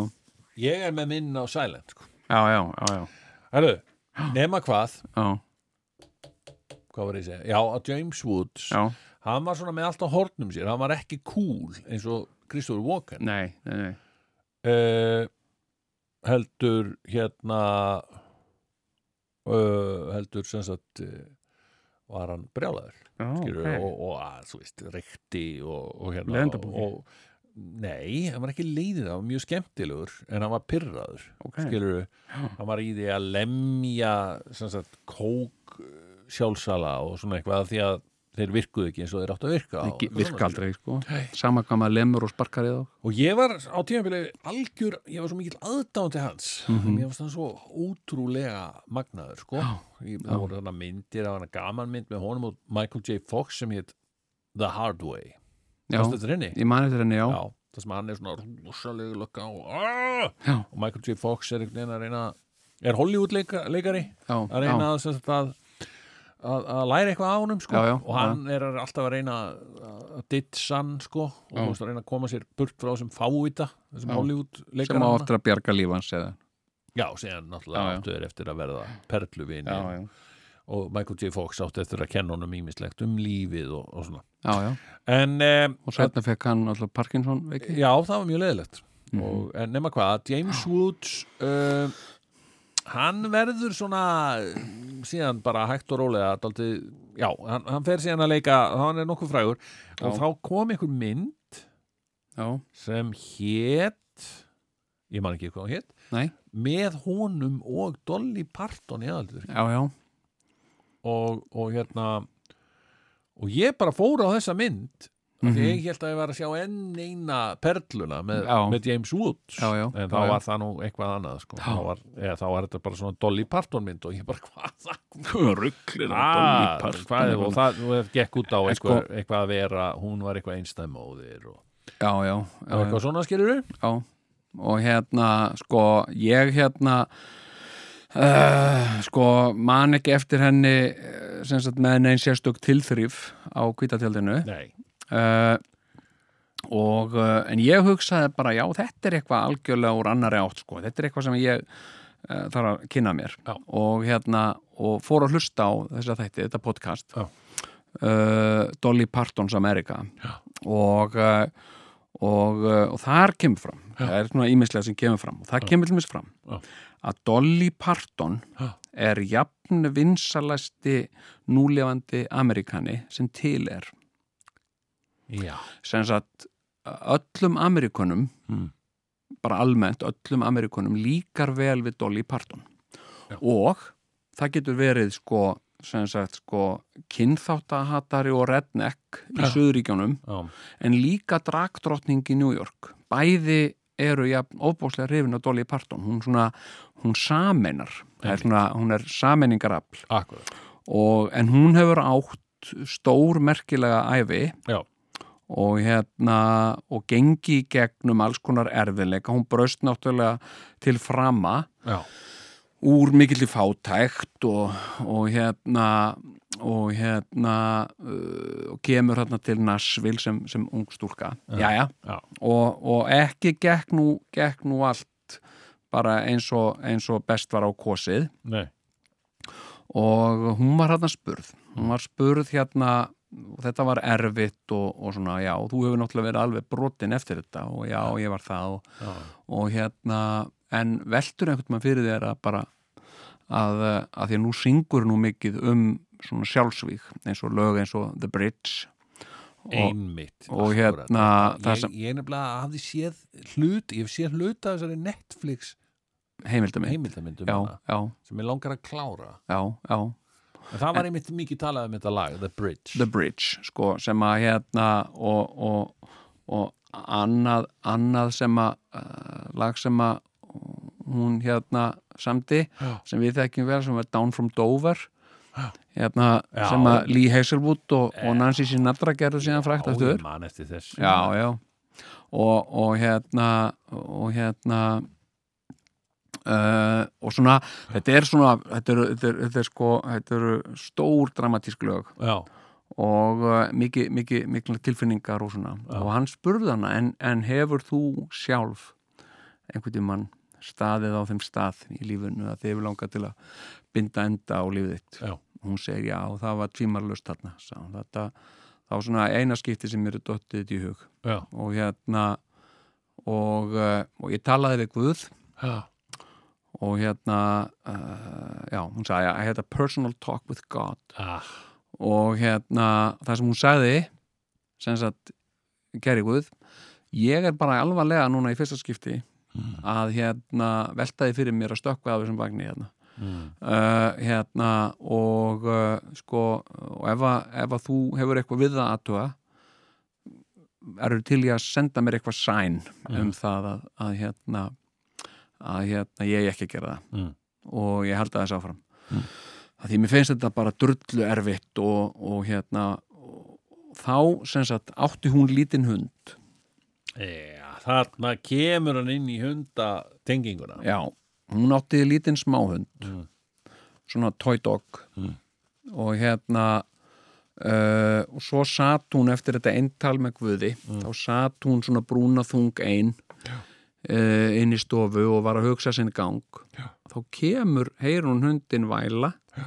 og svo kemur hann, hoppar upp í sófan og hoppar svo upp í fangið á Já. og, og byrjar að sleikja hana svona í framann, svona uppörfandi Nei, nei, nei og hún satt þarna og hún horfði á hundin og hún hugsaði. God, G-O-D dog Nei. G og G. Já, já, já, já, já. Og uh, hún sá þetta sem hrein og klár skilabóð frá Guði Mm. um að uh, hún ætti ekki að ekki að, að, að, að stökkva af lestinni. Já, og ekki alltaf að vera að lesa allt réttsalið, sko. Síðan fór hún að lesa og var ókslega góð í að lesa aftur og bakk og hérna, Já, já, nei en gott og dog þetta er mjög fallegt, Já. en ég er sem sagt búin að vera, ég fór að hlusta á þessa þætti. Já, og hérna og sko uh, og ég er orðin Dolly Parton sko fan. Já. Hérna ég bara sko og ég skil ekki ég bara botna ekki í því. Jú, jú, ég botna Botnar ekki í fólki sem fýlar ekki Dolly Parton. Sko, ég bara ég botna ekki í því Já. sko að ég skul ekki hafa uppgötvað þetta fyrr hvað hva hún er mikill meistari og snillingur sko. Og hérna sko hún er sko uh, hún er uh, svakalega þrautseg sko. Mm hún hefur eitthvað svo ótrúlegt umburðarlindi gagvart fávitum sko. Já, já, já alveg ótrúlegt umburðarlindi Já. hún er alltaf eitthvað svona gott um alla að segja og reyna að gera eitthvað svona jákvætt og gott og hérna. Það er hægt að stilla á sæl já, ég ætla að gera það fyrir ekki já. hérna, hérna og uh, sko hún er, hún er svakalega klár. Já, já, já. Og, uh, og síðan er hún einhver svona senmeistari sko, veistu að vinir hennar veistu hvað vinir hennar kalla hana margir? Nei, The Dolly Lama nú það er bara þannig. Það er bara þannig Já, hún sko. hefur náttúrulega það sem hún hefur sko, eins og ég sá í myndinni. Mm Straight Talk heitir myndin. Já, straight talk og, og ég bara, ég, ég prumpaði yfir hana, skilur að því ég var náttúrulega ekki nema 20 og 20 ára eða eitthvað, skilur já, já, var að fara að horfa á hérna, James Woods mynd sko, já, emitt en lendi á Dolly Parton mynd. Já, já, en þá sá ég sko í gegnum Já, já. alla fordómana en þarna er það var lag sem hún, það var lag titilæði var Give me some straight talk straight talk. Dun dun dun dun dun eitthvað já, já, og hérna og ég alveg anskoti hvað er þetta? Einhver húsmaðra já, Sagði ég, já, 22 nákvæmlega. ára gamall. já, já. En þú er ert náttúrulega þarna, skilur, þú ert uh, einstaklingur í fæðraveldinu Já. og gjaldgengur inn í það.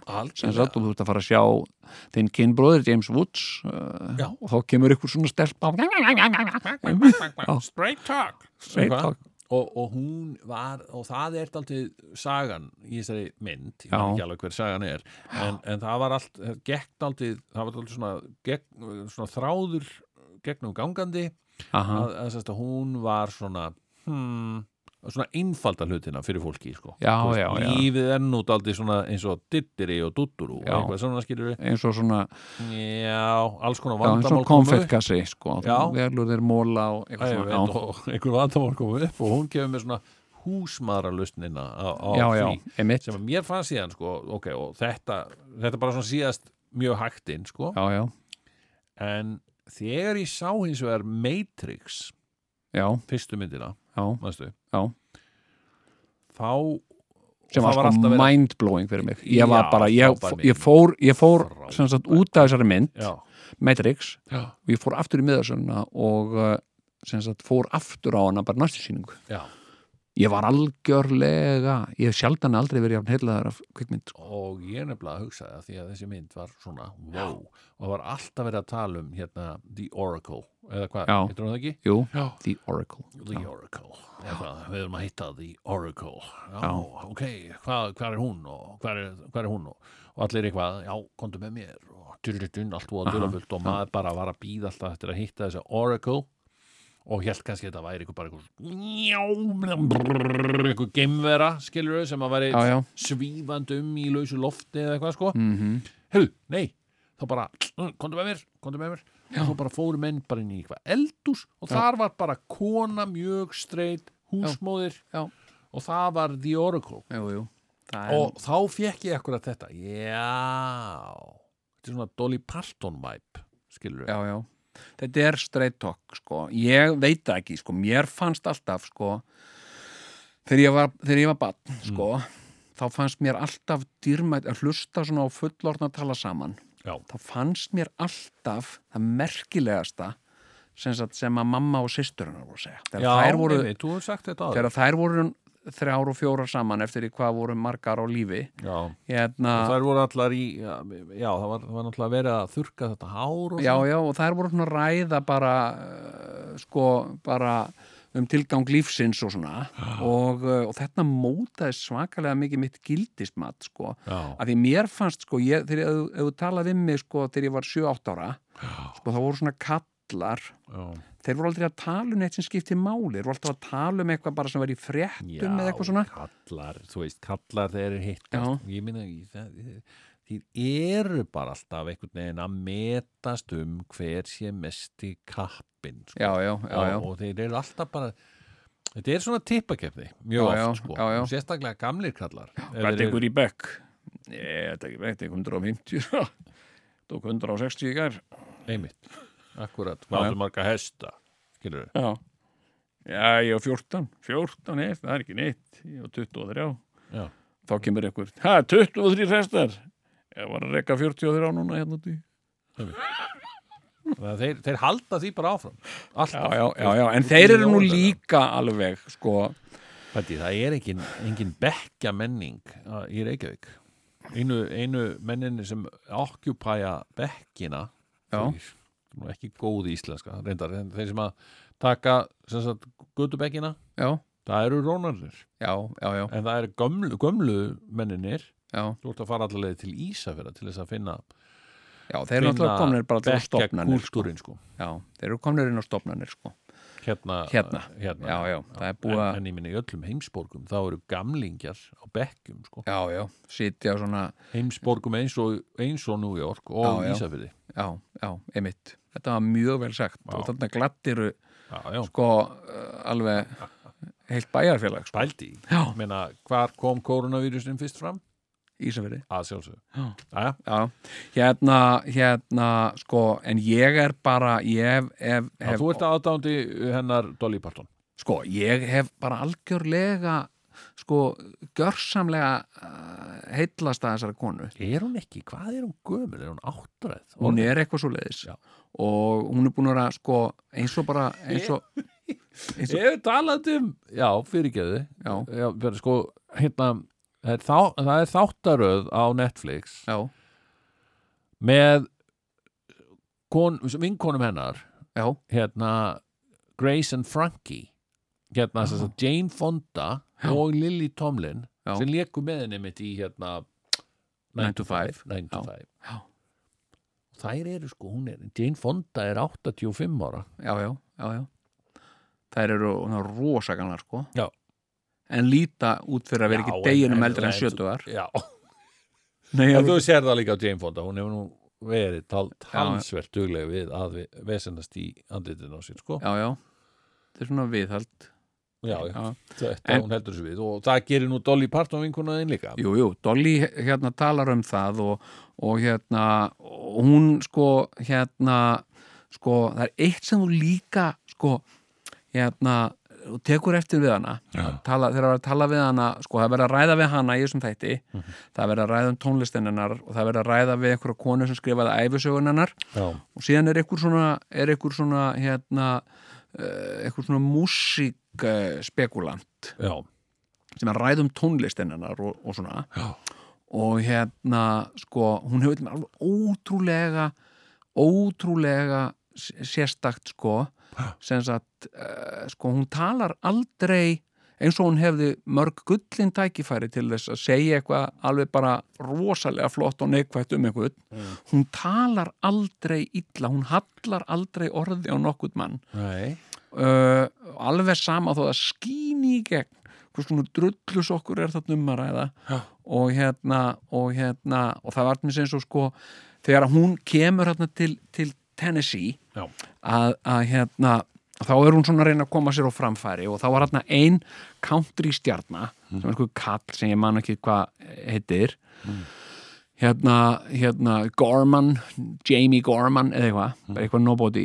Hérna, og hann er svona country stjarna og hann er með svona sinn eigin sjómarpsþátt og hann er alltaf með eina svona, eina svona dúlu já, hérna, sem að er svona sætt og, og spilar eitthvað. Og það er ein uh, stelpa sem er hann í þættunum með honum sem heitir Norma Jean. Já, og hérna og, uh, og hann talar við hana alveg óbóstlega, maður heyrir svona brotur úr sem þætti, þetta er óbóstlega patronizing, Já. þá er hún komin hérna Norma Jean, hún er svo fallið í dag. Og hérna, hvað ætlar að spila fyrir okkur, fallegt í dag þú, fallegi fugl, Norma Jean eitthvað svona, Já. hún ætlar að spila ég spila hérna fyrir eitthvað lag, eitthvað svona. Síðan var eitthvað málum blandið, en Norma Jean hætti í þættinum hjá honum og bara fór og það var sem sagt verið að tala um það að það hafi verið eitthvað ástarsamband á milli þeirra eða hann hafi ekki komið alveg nóg vel fram við einmitt. Og, eh, og hérna og hann sem sagt óskaði eftir svona einhverjum sætkikkum og uh, okkar kona Já. hún hérna uh, Dolly fór og sótum og fekk jobbið. Já, var ráðinn sem svona einmitt. Dúlan Já, svona lítil dúlla og, og hérna og hérna, og hann talar alltaf svona við hana. Þetta er alveg bara, þetta er alveg Dúla Já, já, you beautiful thing. Eitthvað svona, ó, þetta var bara, þetta var algjör viðbjöður og þarna, og líka það sem að það sem er að benda á í, sko hann er helmingi eldri en hún, sko. Já, já, já. Hérna, hún er 25 ára og hann er 50 og hérna, og lilla dúllaðin og, hérna, og hérna, you sweet little thing og eitthvað svona. Og hérna og hún fer að, sem sagt, flytur alltaf svona eitt lag eftir sig í hverjum þætti og, og hérna og, uh, og síðan var líka svona eitthvað on the road show, hann var með eitthvað svona show sem hann var með tónleika og hún fekk að vera með og, og hérna, hún fór að vekja meira og meira aðtegli, en þess að fólk fór að hérna, hérna sem sagt, uh, hérna metana meira. Og hún frumflutti sko lægið sér Jolene í þættinum hjá honum. Einmitt. Og það varð bara uh, game changer sko. Já, og allt í einu gerðist það að hún var ekki lengur bara sidekick í þættinum hans. Nei. en uh, hérna hún var orðin það sem að fólk hafi meiri áhuga en hann. Já. og, uh, hann var alveg búslega full út af þessu. Mm. og hérna svo voru þau að fara í viðtöl og, og oft vildi viðmælandin heyra eitthvað meira svona hvað hún hefði að segja því hann talaði bara út í eitt. Og, og hann var að sva hann, þau voru að spurja en þú Dolly, hvað segir þú um þetta? Já. og þá sagði hann shut up. Og maður heyrir þetta í viðtölum. Segir hann bara shut up shut up. Og hérna og Vá. hérna, já, síðan koma því sagt, henni fannst þetta óþægilt og hún var að segja sko þú veist, og þeirra spurja hann og hann var að segja henni, þú veist, var hann ekki bara drullus okkur, hann sagði, nei, þú veist, hann var náttúrulega sérstakur og eitthvað svona. Já. og hérna, en þú veist, hann talaði ekki fallega við þig, nei, en hann var líka undir miklu álægi, þú veist, hún var alltaf svona já og Þú veist- beta, ég skal nú bara ég get nú bara botna þessa sögu Þegar, sem ég sá í þarna Netflix já, þegar að hún loksins segir honum já, til syndana heyrðu kallið minn ég, ég þarf nú að fara að hætta þessu. Já. Hvað meira, þú? Voru að vera í þættinu þú ert aðal, aðal að Svo, meira attraktsjónu ég, ég vil Já. dúlan mín. Og, og shut up. Og eitthvað? Já, þá segir, já, nei, ég bara það er eitt þáttur eftir. Og ég skal gera hann. Mhm. Og ég ætla að fá að flytja nýtt lag þar. Og, uh, og hérna. Ó, já, já, Já, gott og vel. Og, og svo kynir hann já, það er nú dúllan og hún er nú hérna með nýtt lag, þetta er nú síðast þátturinn reyndar. Eitthvað? Mhm. og já, gjör svo vel ég dúllan mm Já, og þá, með, með flottu bróstinn Já, já, já, þá hérna syngur hún nýjasta lagi sitt. Já, já. And I, I, I will always love you sem síðar var mjög vinsalt með henni Whitney Houston Þetta er semst vinsalasta lag eftir, eftir hvern tónlistamann í Já. mannkynsugunni sko. Og- Hérna uh, og, og, og, hvað? Hún, hún syngur það til hans? hún syngur þetta til hans til að láta hann vita hann sé algjörlega ómögulegur hún Já. geti ekki unni með honum lengur sko, og leiðir þeirra séu að skiljast Já, en hann minn alltaf finnast væntum hann já, og hérna og þetta náttúrulega lag líka sló í gegn. Hún var með svona exit sem að bara þú veist, bara unheard of sko, bara, þetta var loka loka hérna uh, lagið hennar. Og hérna og hérna og lagið þetta lag varð vinsætla en öll lögin sem hann hafi gert í samans. Já, já. Og hérna og þetta var rosalega fallegt. Og, uh, og hann, hann hérna uh, launaði henni þetta með því að fara í mál við hana. Og, og sem sagt krafðist já. og krafðist þess að fá miljón dollara í skadabætur hérna Já, Að því hún var- var að fara að hætta í þetta. Já, já, og hún væri búin að trubla hans feril og svona Topp ná ekki hann toppna hún alveg sko. Já. hann er nú dáinendar en eftir toppmaður sko. toppmenn sem hafa verið í músikbransanum tengdir við alls konar ágætis konur eins og hann Ike Turner. Ike Turner, já.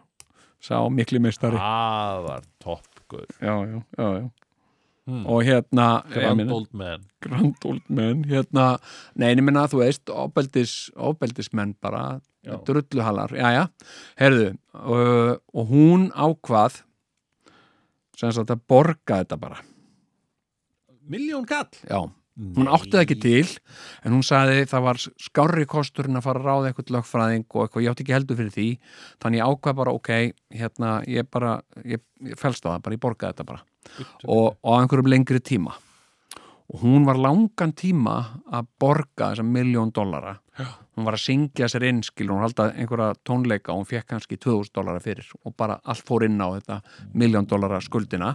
Og hún vann hún fekk sér vinnu Já. þessi töffari, fekk sér vinnu sem sagt á hóteli sem sagt í, í hérna roomservice What? já, frekar hann að fara að vinna á bar Ég meina, hún var samt stjarnar sko, ég meina, hún var, hún var búin að í gegn í sjónvarp hún var, hún, hún sko, hún var að vinna á hóteli Mm.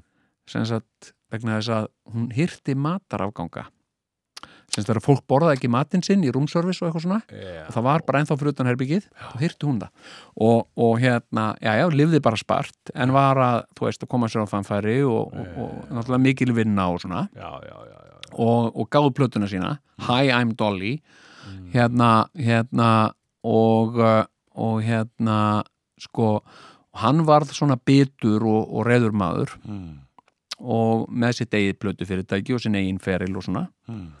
og síðan sagt uh, var hann gældrátt fór á hausinn Gott á hann já, nákvæmlega, Hvað hétt þessi maður? ég man ekki hvað hann hétt hérna, en sko hann, er, hann er ekkert svona nafn sem þú þekk kannast við, hann er eitthvað svona úr country í heiminum Já, Jæja. já það var ekki Kenny Rogers eða eins og leið sko Pælti, country heimurinn sko í Ameríku. Já. Við eigum, það er náttúrulega bara Amerika, já já, samfélagið. Dung, dung, dung, dung dung, dung, dung, dung, dung, dung og úir og grúir af alls konar tónlistastefnum sko já, já, já. í bandaríkjónum og, og þetta hefur svona, þessi tegum tónlistar er eitthvað sem að, svona þjóðlega tónlist basically hefur, hefur einhvern veginn náð inn fyrir hjarta uh, ákveðin að fylgja já, já, Nashville sagt er Já, ekki já. fylki, það er borg. Já, já. en uh, í Tennessee. Tennessee og, og í Texas og svona. Þetta, þetta er fólki sem að hlustar á já, þetta er fólki sem hlustar á country. Mm -hmm. við, ég fór að hugsa það, hvað er okkar country? Já, íslenska. Og það er náttúrulega hérna já, sko, var allavega lengi vel það var sveitabæla tónlistin sko, já, já, já, já, einmitt bara, það voru nú oft countrylög með íslenskum texta sko. já, já en, en skítamóra, já, já, já, land og sínir og svona, Já. þetta voru country hljómsveitir, sko Eða ekki country, en svona íslenskar svona dum, dum, dum, dum, dum, dum, já, dum, Sko ég, ég, ég, ég vissi ekki að, að Dolly Parton hefði samið I Will Always Love You. Nei. ég hafði ekki hugmynd um það sko. Og hérna, og, en veistu hvað hún gerði þegar kallin fór á hausinn? Nei, Hún frétti af þessu. Og segja að henni eru hann hérna billíganlega, hann er bara hann gjaldróta og nú, já, plötu, fyr, plötu fyrirtæki er bara komið á hausinn og, og hérna, hann er bara uh, ónýtu maður. já, Hún, sem sagt, var þá orðin svolítið efnuð, já hún fór og kefti plötu fyrirtækið, Nú, hitt hann. Og sagði við hann, hérna, ég er búin að að safna mér smá sjóð og þannig að ég bara kefti þróttabúið Mm. og hérna, ég ætla að byrja því að skrifa undir hérna þessa pappira og mér langar að gefa þetta bara aftur. Sagt já. og hérna, og þetta var alveg sko, ég skal segja, sko, ég var sko, ég er búin að vera hlusta á Dolly mm. og, og eitthvað svona sko, og ég er bara búin að sko, vera grenjandi sko. ég er búin að vera að lappa bara með hundin og hlusta á hana Dolly og hérna, og bara okay. vá, og bara en Daglegt eftir allt líf. sem hann var búin að gera þér þá vildur, já, hún sagði já hann var það góðu maður og það var svo mikið í hann spunnið þetta, hann, hann átti ekki að fara svona bara eitthvað klúðrari og eitthvað Já, og ég hafði náttúrulega einhvað smá að gera með það að því að hann vissi ekkit sko, hann sagði sko veist, hann vissi ekkit hvað hann var að fá í þáttinn til sín sko. Veist, hann held hann væri bara að fá sidekick en ég var sko I was aiming for the stars sko. Og hérna, blessa kallmanns ego. Já, þetta var sko hérna, svo, sko í samband við tónlisteninnar, nú er alltaf þekki ég ekki og ég hugsa að þetta er eitthvað sem ég langar að, að spurja hann segur honum hérna, sko Hvað segirðu? Sko, hérna, það var viðtal þarna við einhvern, einhvern tónlistar spekulant sem ég náðu nú ekki alveg hver er. Nei, en hann sagði mm. sem sagt, uh, bara hún væri sem sagt, svona tónlistarlega hann hafði skrifað held ég doktorsritgerð um tónlist Dolly Parton, eitthvað svona. Ok, hann sagði bara tónlistarlega þá er hún uh, snillingur Já. og uh, sem sagt uh, hún er já, hann sagði bara hún er okkar Mozart Mozart Já. Ok, ok. Ég hérna, þú veist, og ég bara heyrt eitthvað svona working 9 to 5 Já, eitthvað svona, hann, ég þekki þetta ekkert mikið sko, já. og hérna og hérna já, hann sem sagt sagði þetta, það, já, bara, það er ekkert Já. annað. Ok. Og hérna Og viltu, ertu að spyrja mig hvort að Já, ég get- hvað Já, sko, já, Mozart þetta er ekki, þetta er bara Já, og- og-? Nákvæmlega og, og ég meina I will always love you er Já. í rauninni svona, svona hljómagangurinn í því er bara eins og döndaröndirinn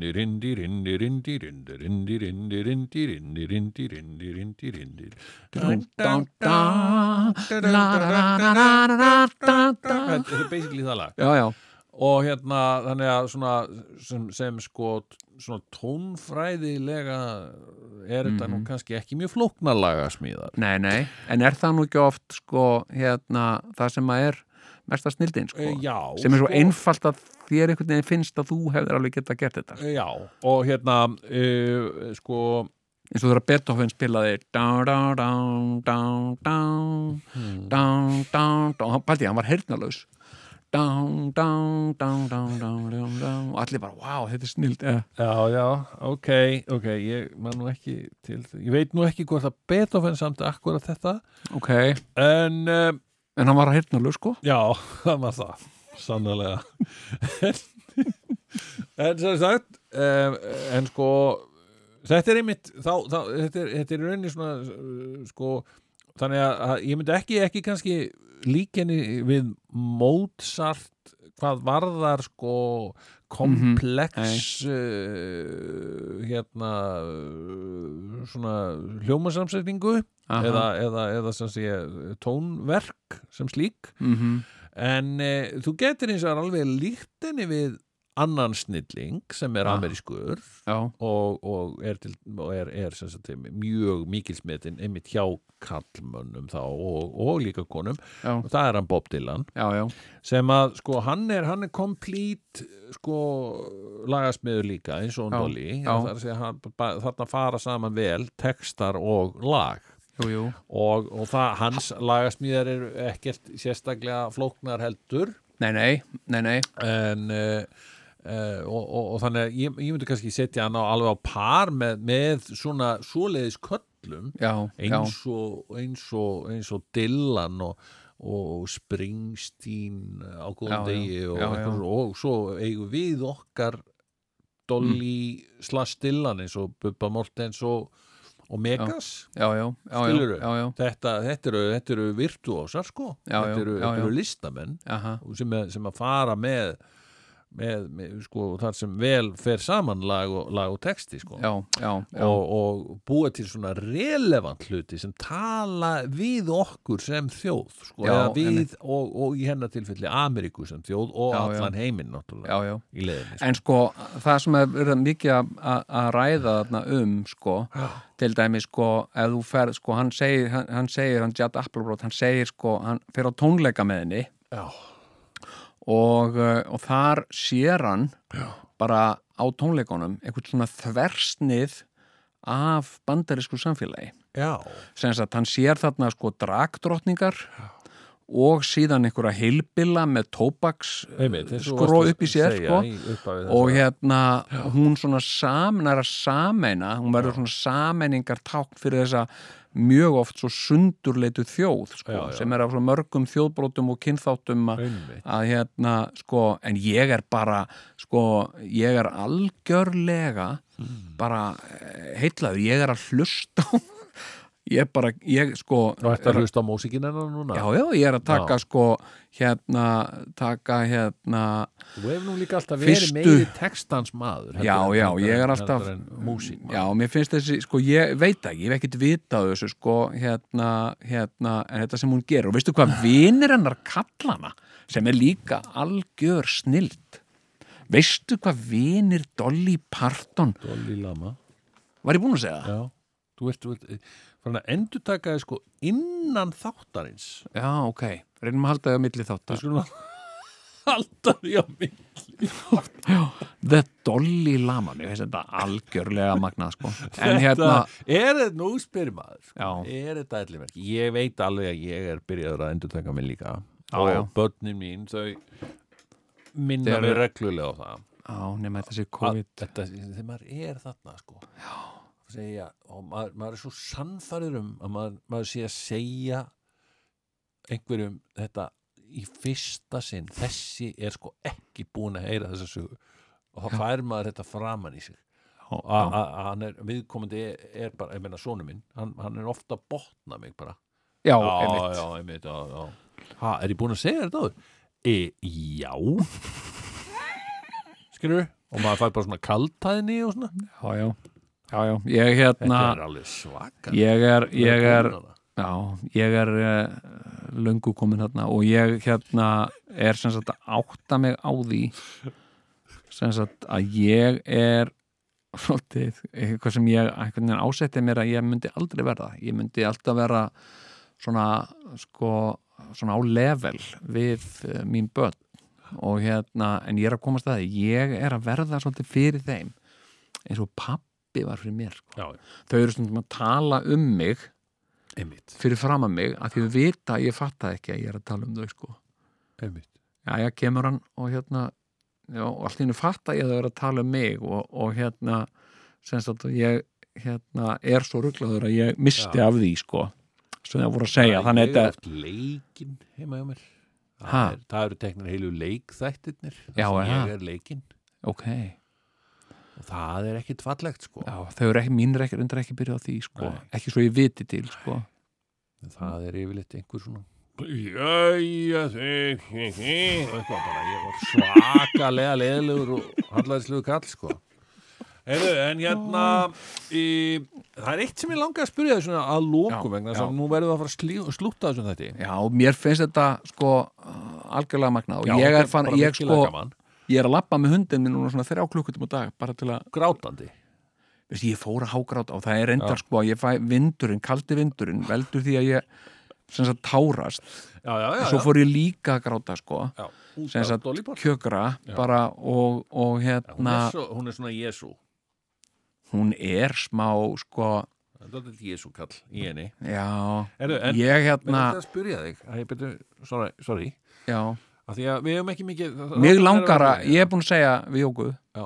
hérna, einhvern tíma þegar við förum eitthvað saman einhvern til frí, þá langar mig að fara til Dollywood mér langar til Dollywood og mér langar að Já. vera þar í nokkar daga sko. Já, það væri líka bara Já, það væri bara sensandi já, já Herðu, en mér langar að spyrja þig mm. Eh, flæka af Því að þú ert ekkit að verða neitt yngri frekar en ég Eh, já, já, og nú sjáum við hana Dolly Parton. Og Já, við já. sjáum Jane Fonda. Og við sjáum nú líka bara ef við lítum okkur aðeins nær kynbræður okkar. Já, býta aðeins maðurinn hennar Dolly, hefur eitthvað, kynntir hann? Nei, ég hef ekki kynnt mér hann. Ég hann hérna, hann er svona hann er bara svona kall, að- Já, hann er bara svona kalla kall einmitt. sem rekur eitthvað malbygguna fyrirtæki í Tennessee. Kúreki Ný, hann er bara svona kall, Já, já, hann er bara svona hann er bara eins og tengdapappi eða Eitthvað mörg börn saman Nei, hún er ballust, hún Hún var það ekki batna auðið sko. En hún hefur reyndar svona gengið uh, í móðurstað mörgum sko. hún, er, Já. hún, er, uh, hún er staðið vel með fjölskyldu er sískinum hún já. er nú bara ein af eitthvað tólf sískinum sko. Já, já. Nei, heyrðu, að því að ef við lítum til dæmis að kynbræður okkar sem að hafa elst, meðal annars hann hérna Steve Martin, já, já, hann er sagt að verða áttræður eða eitthvað. Já, og er greinilega búin að gera eitthvað við andlitið á sér, sko. er það? Já, eins og Dolly og Já. Jane. Það er eitthvað, hann, hann, hann let tegja á þessu ok, einhvers staðar. ok. Og ég fór að velta það fyrir mér. Nú hefur þú eitthvað að velta þessu fyrir þér? Að fara í lítaðagerð að fara í svona Já. sko, ég hérna uh, sko uh, ég hef hugleitt þetta já, sko hérna uh, svona sko uh, þetta þykir svolítið sjálfsagt í Ameríkunni. Já, hérna, það, sko.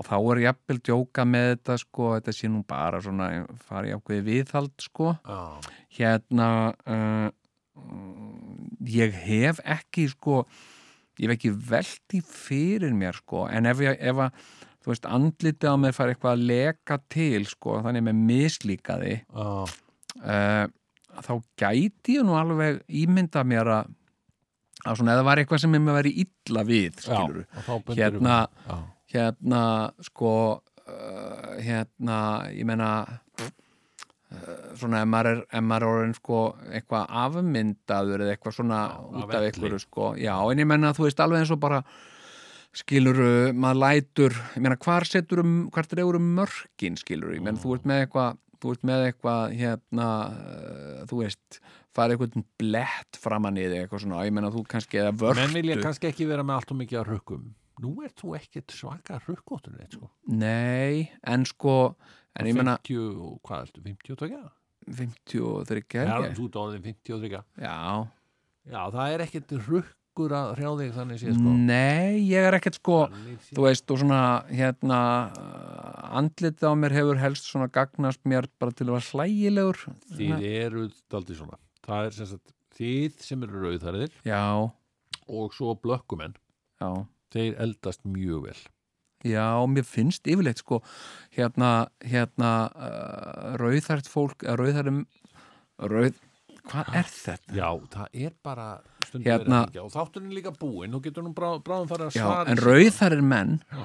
þeir sko hérna verða gjarnan bara svona svona ljósarir Já. og síðan alltaf eins og þeir séu miðaldra alveg þannig að þeir verða bara svona 97 ára já, akkurat, þá byrjaði að vera krumpaðir Já, það er eitthvað svona sko en ég, veistu, ég gæti alveg sko, ég myndi alveg mér finnst það ekkert sko ég meina hvar dregur mörkin, þú veist, maður lætur lægi sér tennutnar og svona og, og hérna uh, sko, ef ég fengi til þessu vörtu myndi allt henni byrja að vaksa á mig varta á nefinu og ég færi til læknum og segi hvað er þetta þessi húðkrabi og hún segi nei, þetta er bara, þetta er líkþótt sko.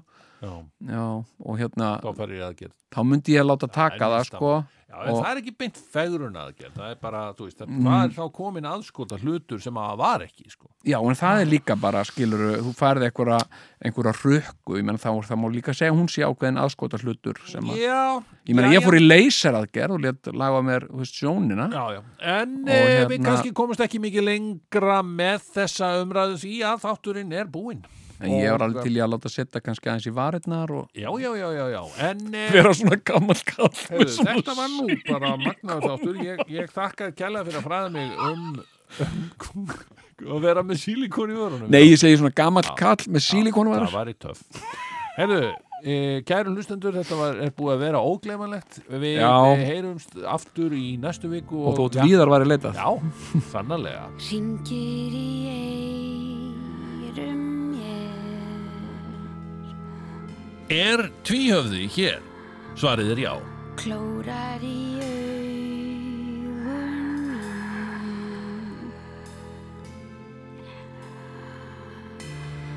Blístrandi þjabandi